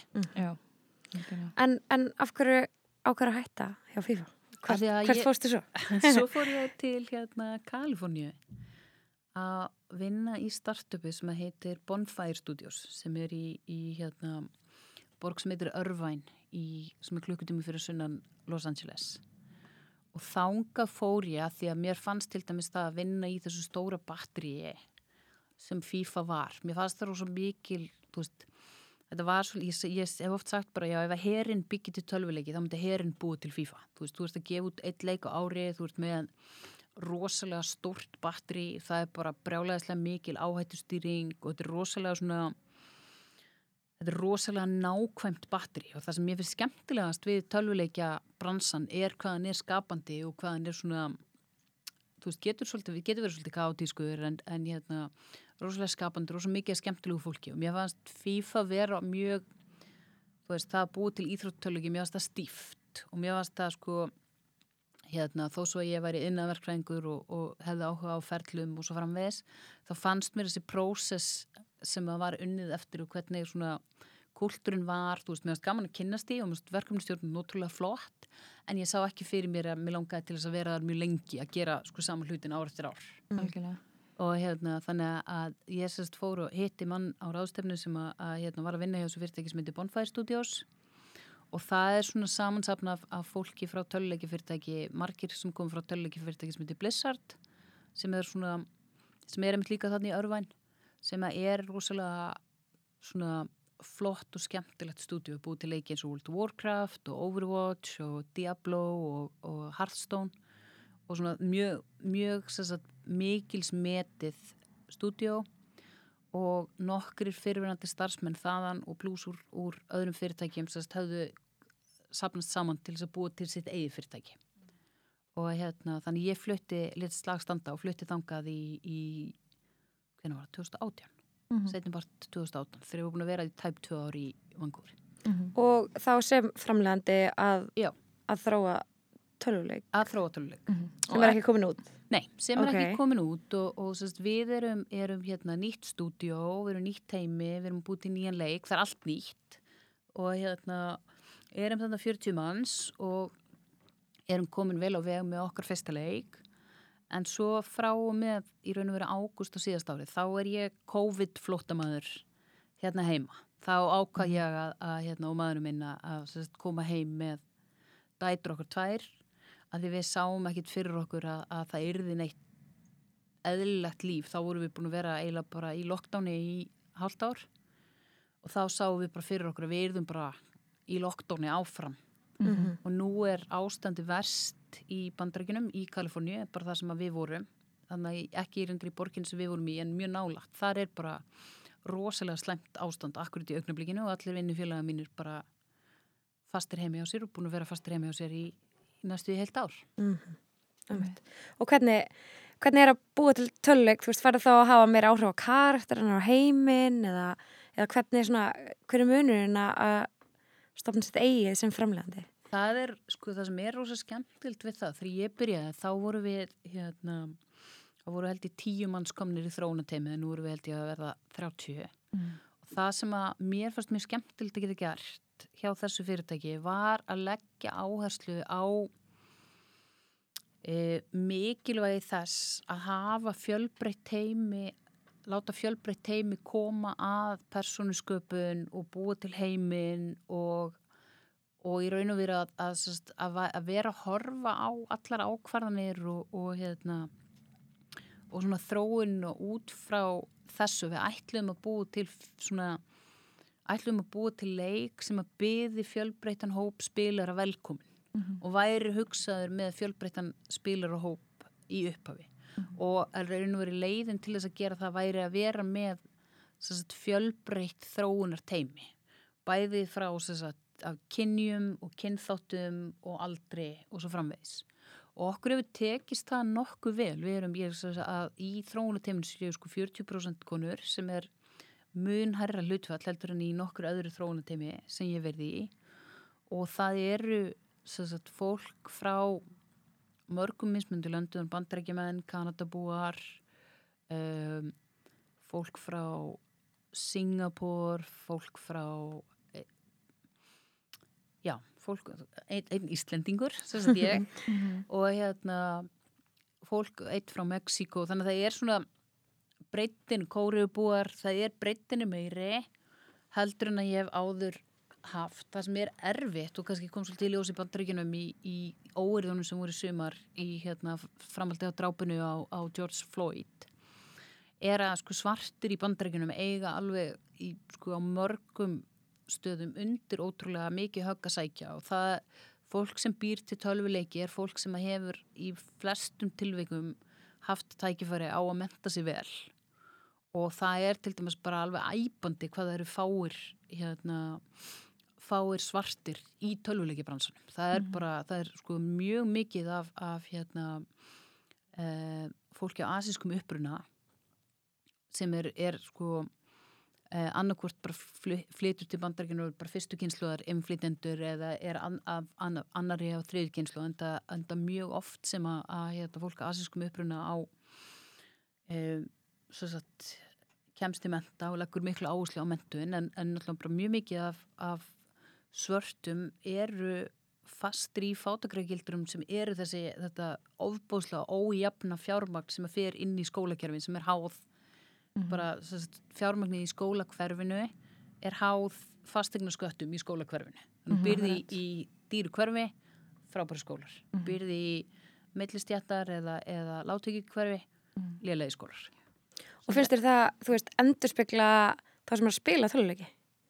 Finnst þér að koma þar? Nei, ég held að endurspegla er svo sem kannski minna hverju spila töluleiki eh, kannski einhver leita því að auðvitað hefur sko þú veist, auðvitað hafa leikja tölfur í gegnum tíðin að vera dýrar en, en ég held til dæmis að tölvu leikja spilun sé eh, sko svona, ég held hún sé tiltölu algeng uh, á meðal svartra en á móti kemur ég held að fyrirmyndirnar um sko bæði söguhetjur annars vegar og svo eins vegar tölv, þú veist tölvuleika gerðar fólk að þar eru, eru mjög fáir. Svartur. Og það er sko það, veist, en, en þessi, svona, þessi umræða er að byrja. Það er rosa mikil aktivismi í bandrækjunum mm -hmm. Þú er bara að byrja núna í, í byrð í Kaliforni Er þetta Silicon Valley? Nei, þetta er, er hérna þetta er þetta rétt fyrir utan LA mm -hmm. í þessari borg sem heitir Irvine, það er rosa mikil hérna, Silicon Valley er þarna í kringum San Francisco þar mm -hmm. en þarna í kringum LA þar sem ég var er líka rosalega stort og, mm -hmm. og mikið tölvuleikja hérna, mikið um tölvuleikja gerð mhm. Já, þannig ég sést að þetta er, hérna, ég bý í bandrækjunum en gæðslepa en ég er búin að vera hérna á Íslandi síðan í, í ágúst bara er í, í Vestubænum mm -hmm. og bara það sem okkur líður rosa vel og mjög gott að vera hérna mm -hmm. og það er náttúrulega var átt að segja á því hvað það eru ótrúlega fórréttindi að, að hérna að búa á Íslandi þar sem að fólk hlustar á vísendamenn og, og hlýður fyrir mælum og, og hérna sem að við getum bara svona, svona lítil þjóð tekið höndum saman og ná tökum á þessu þegar maður sér hvað er í gangi í stórþjóðunum allt í kringum okkur sko. Ég ætla að spyrja þér svona sem þú veit hvað, tvætætur? Já. Hvernig hefur verið fyrir þær að flytja svona á milli landa og, og annað, þú veist, hefur, hef, hefur fundist það verið erfitt eða hefur einhvern að verið svona, ah, ég get ekki alveg gett þetta þeirra vegna eða eitthvað svo leis? Stelpuna mínar eru í dag, þær hafa báðar rosalega miklu aðlöðunarhæfni mm -hmm. eru hérna e, þú veist, þær eru fljóttur að setja sig inn í aðstæðar, þeim finnst það ekki rosalega mál, mikið mál að hérna, skipta um skóla. Og ég fæði alveg svona pínustingi hjartað yfir það að ég sé búin að sko, þú veist, þær sé búin að búa í Reykjavík og Malmö og, og Stokkólmi og Vancouver og, og Örvæn mm. og eru komnar, en Mattildur yngri dóttur mín hafði aldrei búið í Íslandi þegar við komum hingað í, í síðasta sumar. Hún er fættið Svíþjóð.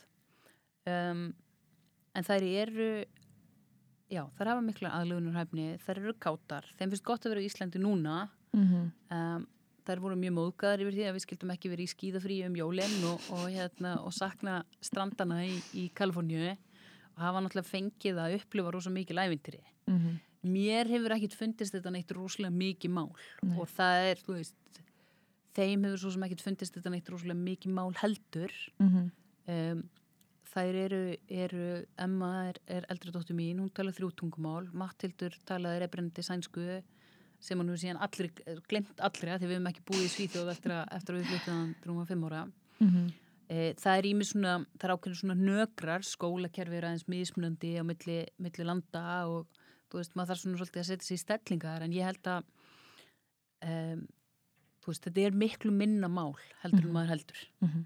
Sá- Sástu fyrir að þú myndir búa Erlendis þegar þú varst svona bara í háskólanámi og þannig? Já, Er þetta svolítið líka svona dominoeffekt? Þú fer til síðu, þú eru ekki komið heim áttur nema þú þurftu þess. Ég- Nei, ég er náttúrulega, sko, ég bjó tvö sömur í, í Danmörku sem úlingur þegar ég var í, í mentaskóla og vann á hóteli og tók síðan skiptinám og var í, í Danmörku tímónuði.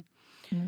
Um, þú veist, mér fannst einhvern veginn, ég átti mér alltaf draumi það, ég myndi fara í einhvern flottan útlendan háskóla og, og Mhm. vera, sem sagt, og, og hérna þetta, þetta, þessi mastisgráð sem ég tók aldrei, það var einhvern veginn alltaf svona á stefnusgráni að, að fara út, en svo gerðist CCP og ég meina, ég hef alltaf, hérna, mamma vann á fræskustofu, við ferðust mjög mikið þegar ég var lítil, eða svona mjög, ekki mjög mikið með það hvernig ég ferðaðist síðan á, á setnárum, en svona Mhm. fyrir sko krakka in the 80s að þá held ég að þú veist ég fór alltaf út einu svona til þessar ári og ferðaðist og, og mamma kendi mér svona að það að ferðast væri svona helsta svona helsta dyggðin og læra og, og hérna kynast öðrum menningarheimi og setja sig inn í, inn í sjóna með annara og vera vísitt og ég hef kannski svolítið reynd að kenna börnunum mínum það líka að það sé þú veist það er svona það að ferðast og upplifa er, er svona kannski besta að, til að hafa tilfinningu og skilning á heiminum Mhm. um, en þannig já, ég sá alltaf fyrir mér ég myndi fara út og ég er náttúrulega orðin 30 og hvað er ég gömul þegar ég fer út 2012, 34 Mhm. þú veist, þá var ég svolítið einhvern veginn svona ekki beint kannski búin að gefa þetta upp á bátinn en, en þú veist, ég var ekki að plana að fara út ég bara fekk tilbúð um vinnu í Svíþjóð og ég, Ákastu strax að að var eitthvað ég er? já ég var hérna, mjög að þetta mjög erfitt og hérna, og ég á, á á góða vinkunni, ég var eitthvað svona þetta við hann mér fannst ég ekki tilbúin í þetta, mér fannst þetta of stórt starf og fara út með fjölskylduna og, og svo var ég ólétt ég vissi það ekki þá sem betur fyrir það að ég kannski satt nei, en hérna, en svo var ég eitthvað þetta við vinkunum mína og, og ég sagði, já, ég veit ekki alveg kannski bara næst þegar ég fæ svona, fæ svona tilbúð, þá fer ég, hún bara þegiðu og farðu, það verður kannski ekkit næst. Og það er rosa gott ráð af því að þú veist, það er bara maður, maður getur alltaf fundið ótala ástæði til að draga úr sjálfum sér og eitthvað svona og svo verður maður bara stökku og stundum lendur maður, stundum feisplanta maður bara bara Mhm. klúður og gjörsanlega og það er bara allt í lagi líka maður lærir á því.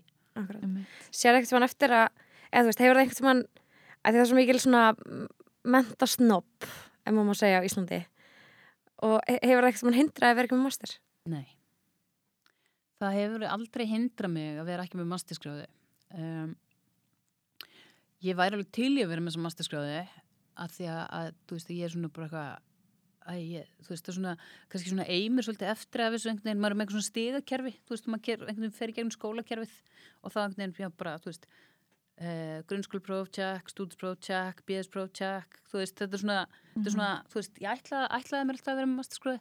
Ég held að hún myndi ekki skipta mig í raun og verið neinu máli í dag.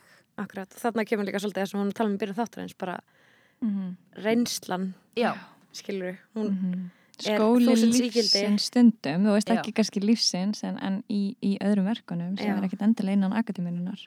en svolítið, Já, en ég væri alveg til í að fara, þú veist, ég hef oft hugsað bara, ég var alveg til í að fara og taka kannski MBA eða, þú veist, ég væri líka alveg til í að fara í háskóla einhvern tímann og læra arkitektúr eða, þú veist, mér finnst Mhm. bara gaman að læra og mér, finnst, ske- mér fannst skemmtilegt í skóla Mhm. og mér fannst hérna þetta námsmannalíf ógeðslega þægilegt að vera bara einhvern veginn, Mhm. þú veist, þú, ert bara, þú ert svo frjáls sem námsmaður Mhm. það er svo þægilegt og skemmtilegt líf og hérna ég, veist, ég sé alveg fyrir mér, ég kannski, veist, það ég var að lesa með einhverju konum daginn sem var að verja doktorsveitkinu sínu 78 ára og ég bara, já, get bara, kannski gert þetta einhvern þetta Aldrei á seint. Nei, en hérna, nei, nei, ég sé ekkert eftir því eh, ekki þannig þú veist, ég er svona, ég er kannski pínu pyrruð yfir því að ég skulle ekki hafa gefið mig tíma því að þú veist, það er fullt af hlutu sem ég fannst þúslega merkilegir sem að ég var að gera kannski þegar ég var yngri, þú veist, sem að mátt alveg býða Mhm. og ég hefði alveg bara getað tekið þetta, þú veist þetta tekið mér hennar tíma og skrifa þessari ítgerð en, en þú veist, ég held að skipti svo sem ekki máli í mínum dag, það er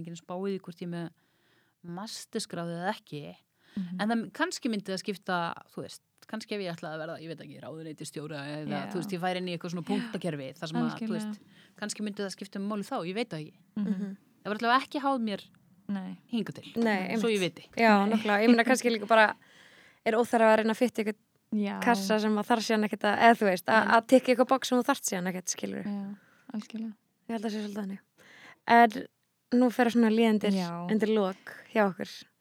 Sko ég, mér langar mest að vita hvort þú hafið einhver svona, einhver svona ráð til, til allra hann Mhm. úti, svona í, sem kannski horfa til, sem vilja vera framleiðendur eða fara í Mhm. töluleikjafransan eða eitthvað svona, já, bæði ráð eða motto eða annað sem þú svona svolítið hefur lifað með og mantraði í gegnum í gegnum hann að bransa Já, ég á, á svona eina möndruð eða eitt frasa sem að, að hérna, ég er hefina og það er, er hérna, veist, ég vil frekar sjá eftir því sem ég gerði heldur en því sem ég gerði ekki.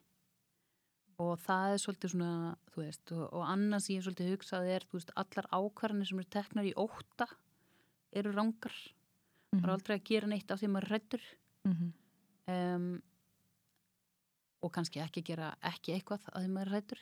Mhm. En svona varandi ráð þá er ég sko, ég verið rosalega lánsum í hérna e, svona í mínu lífi og mínum frama eiga rosalega mikið af vinkonum sem að eru og flottum hérna hvern fyrirmyndum sem er bara eru einhvern veginn allt í kringum mig. Og ég hef e, bæði hef ég nýtt mér það með því að leita til þeirra og hérna þú veist, ég átti ótrúlega, ótrúlega hérna, skemmtilega og frábæra móður sem fór sína eigin leiðir og passaði sko alls ekki inn í kassan og mér fannst það mjög erfitt þegar ég var feimin úlingur að hún tók mikið pláss og passaði ekki inn í kassan en, en ég er mjög þakklátt fyrir það í dag. Og en svo varandi vinkunum mínur þá ég þekki svo margar flottar konur sem er að gera einhvern veginn allan alnskotan, allt frá því að vera einhvern veginn þú veist, sjómvarsfréttamenn eða markaðstjórar eða stýra fjárfestingarsjóðum eða bara, þú veist, á öllum vikstöðum, bara konur sem eru bara að ná langt í sínum frama og hérna, finnst gaman að vinna og hérna, og finnst einhvern veginn svona viðfangsefnið framið þeirra skemmtilegur ásamt ímsu öðru. Og hérna og það hefur alltaf bæði inspirerað mig en líka hef, hef ég geta leita til þeirra og þær til mín. Og ég tek það hlutverk mitt sem vinur ótrúlega, eða sem vinkona ótrúlega svona hátíla að því leiti að, að það koma oft til mín konur og reynda líka menn og vilja fá ráleikingar varandi, þú veist, þeir eru að fara í atvinnu viðtöl eða hvernig á að gera CV-ið eða hvernig á að tækla þetta erfiða samtal eða á ég að sækjum þetta starf. Og ég lít bara rosalega mikið á það sem sko mitt hlutverk sem vinkuna að bara vera til staðar fyrir mínar vinkunur varandi þetta. Mhm. Og líka bara að peppa þær áfram og, og hérna, ég held að, oft sé að þannig með hérna konur og oft sérstaklega kannski með ungar konur, myndi svona tala um þetta impostor syndrom, maður er svona ok, ég er ekki með þessa reynslu ég er ekki, þú veist, ég hef ekki gert þetta eða ég, þú veist, alls konar þetta og maður er duglegur að kannski draga svolítið úr sér. Mhm. og það er ekkit, óæðilegt við það að vera óryggur eða hrættur en það er líka bara að maður þarf að taka taka skrefið og taka pláss og þegar ég held að við bara konur eigum bara að vera alveg brjálæðislega duglegar að styðja hver aðra og peppa hver aðra Mhm. og, hérna, og líka bara einmitt að, að, veist, að þóra að taka þetta pláss þannig ég er svona Mhm. ég er mikil, mikil talskona kvenna samstöðu og skjallbambalaga Mhm. sem er það, ég tala alltaf alveg sjúklega vel um, um hérna, allar vinkunum mínar að því þær eru líka allar frábærar í öllu sem þær gera og mér finnst það bara góð venja. Mhm. Akkurat. Uh, síðasta spurningin, hvað langar þið að verða þegar þú verður stór? Það er til að vera geimfari. Ég sé það alveg fyrir mér. Já, ég sé alveg fyrir mér, einmitt. Það er alveg búin að prófa all, alls konar geira en, en hérna, þe- þennan eftir. game. Hvort sem það verði sko í raunheimnum eða í, í gegnum töluleikaheimin. Ég var ekki geggja til ég að fóra út í geim.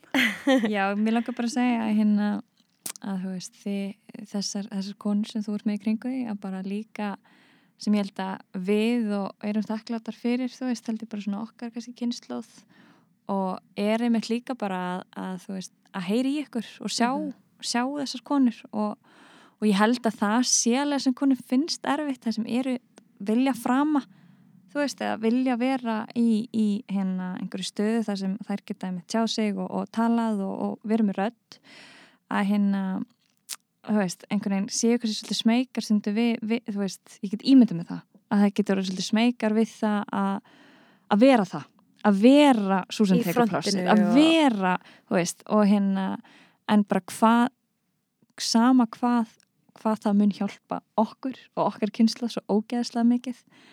Og, og þú veist, þóttum að ekki sé ekki gera þetta fyrir vinkonu sinna eða sjálfa sig, bara ok, þá er ég samt að gera þetta fyrir þessar stelpur sem að þurfa að heyra í þessum hérna, eða þessum eða þessum eða þessum, þú veist, og, og þótt ég sé alltaf eina konan og ég get orðið þessi aðteglisjúka kona in the Mm. end, þú veist, þá er ég samt allavega hérna, skilur Mhm. þannig að bara til allar þessar vinkonu hérna næsta, næsta hérna hitting og bara Bara takk. takk Fyrir. takk fyrir allt Og takk fyrir spjallið, takk fyrir að koma til okkar. Ótrúlega áhört, vákvæði lærið mikið Já, ég hef alveg gett að halda áfram bara lengi, bara, vá, sko. tveir tímar Einmitt. Full skemmtilegt sem kom fram. Já, fannst þetta okkur. rosa gaman. Takk fyrir mig. Takk fyrir Þau sitja eftir með auð sætisblás til beggja handa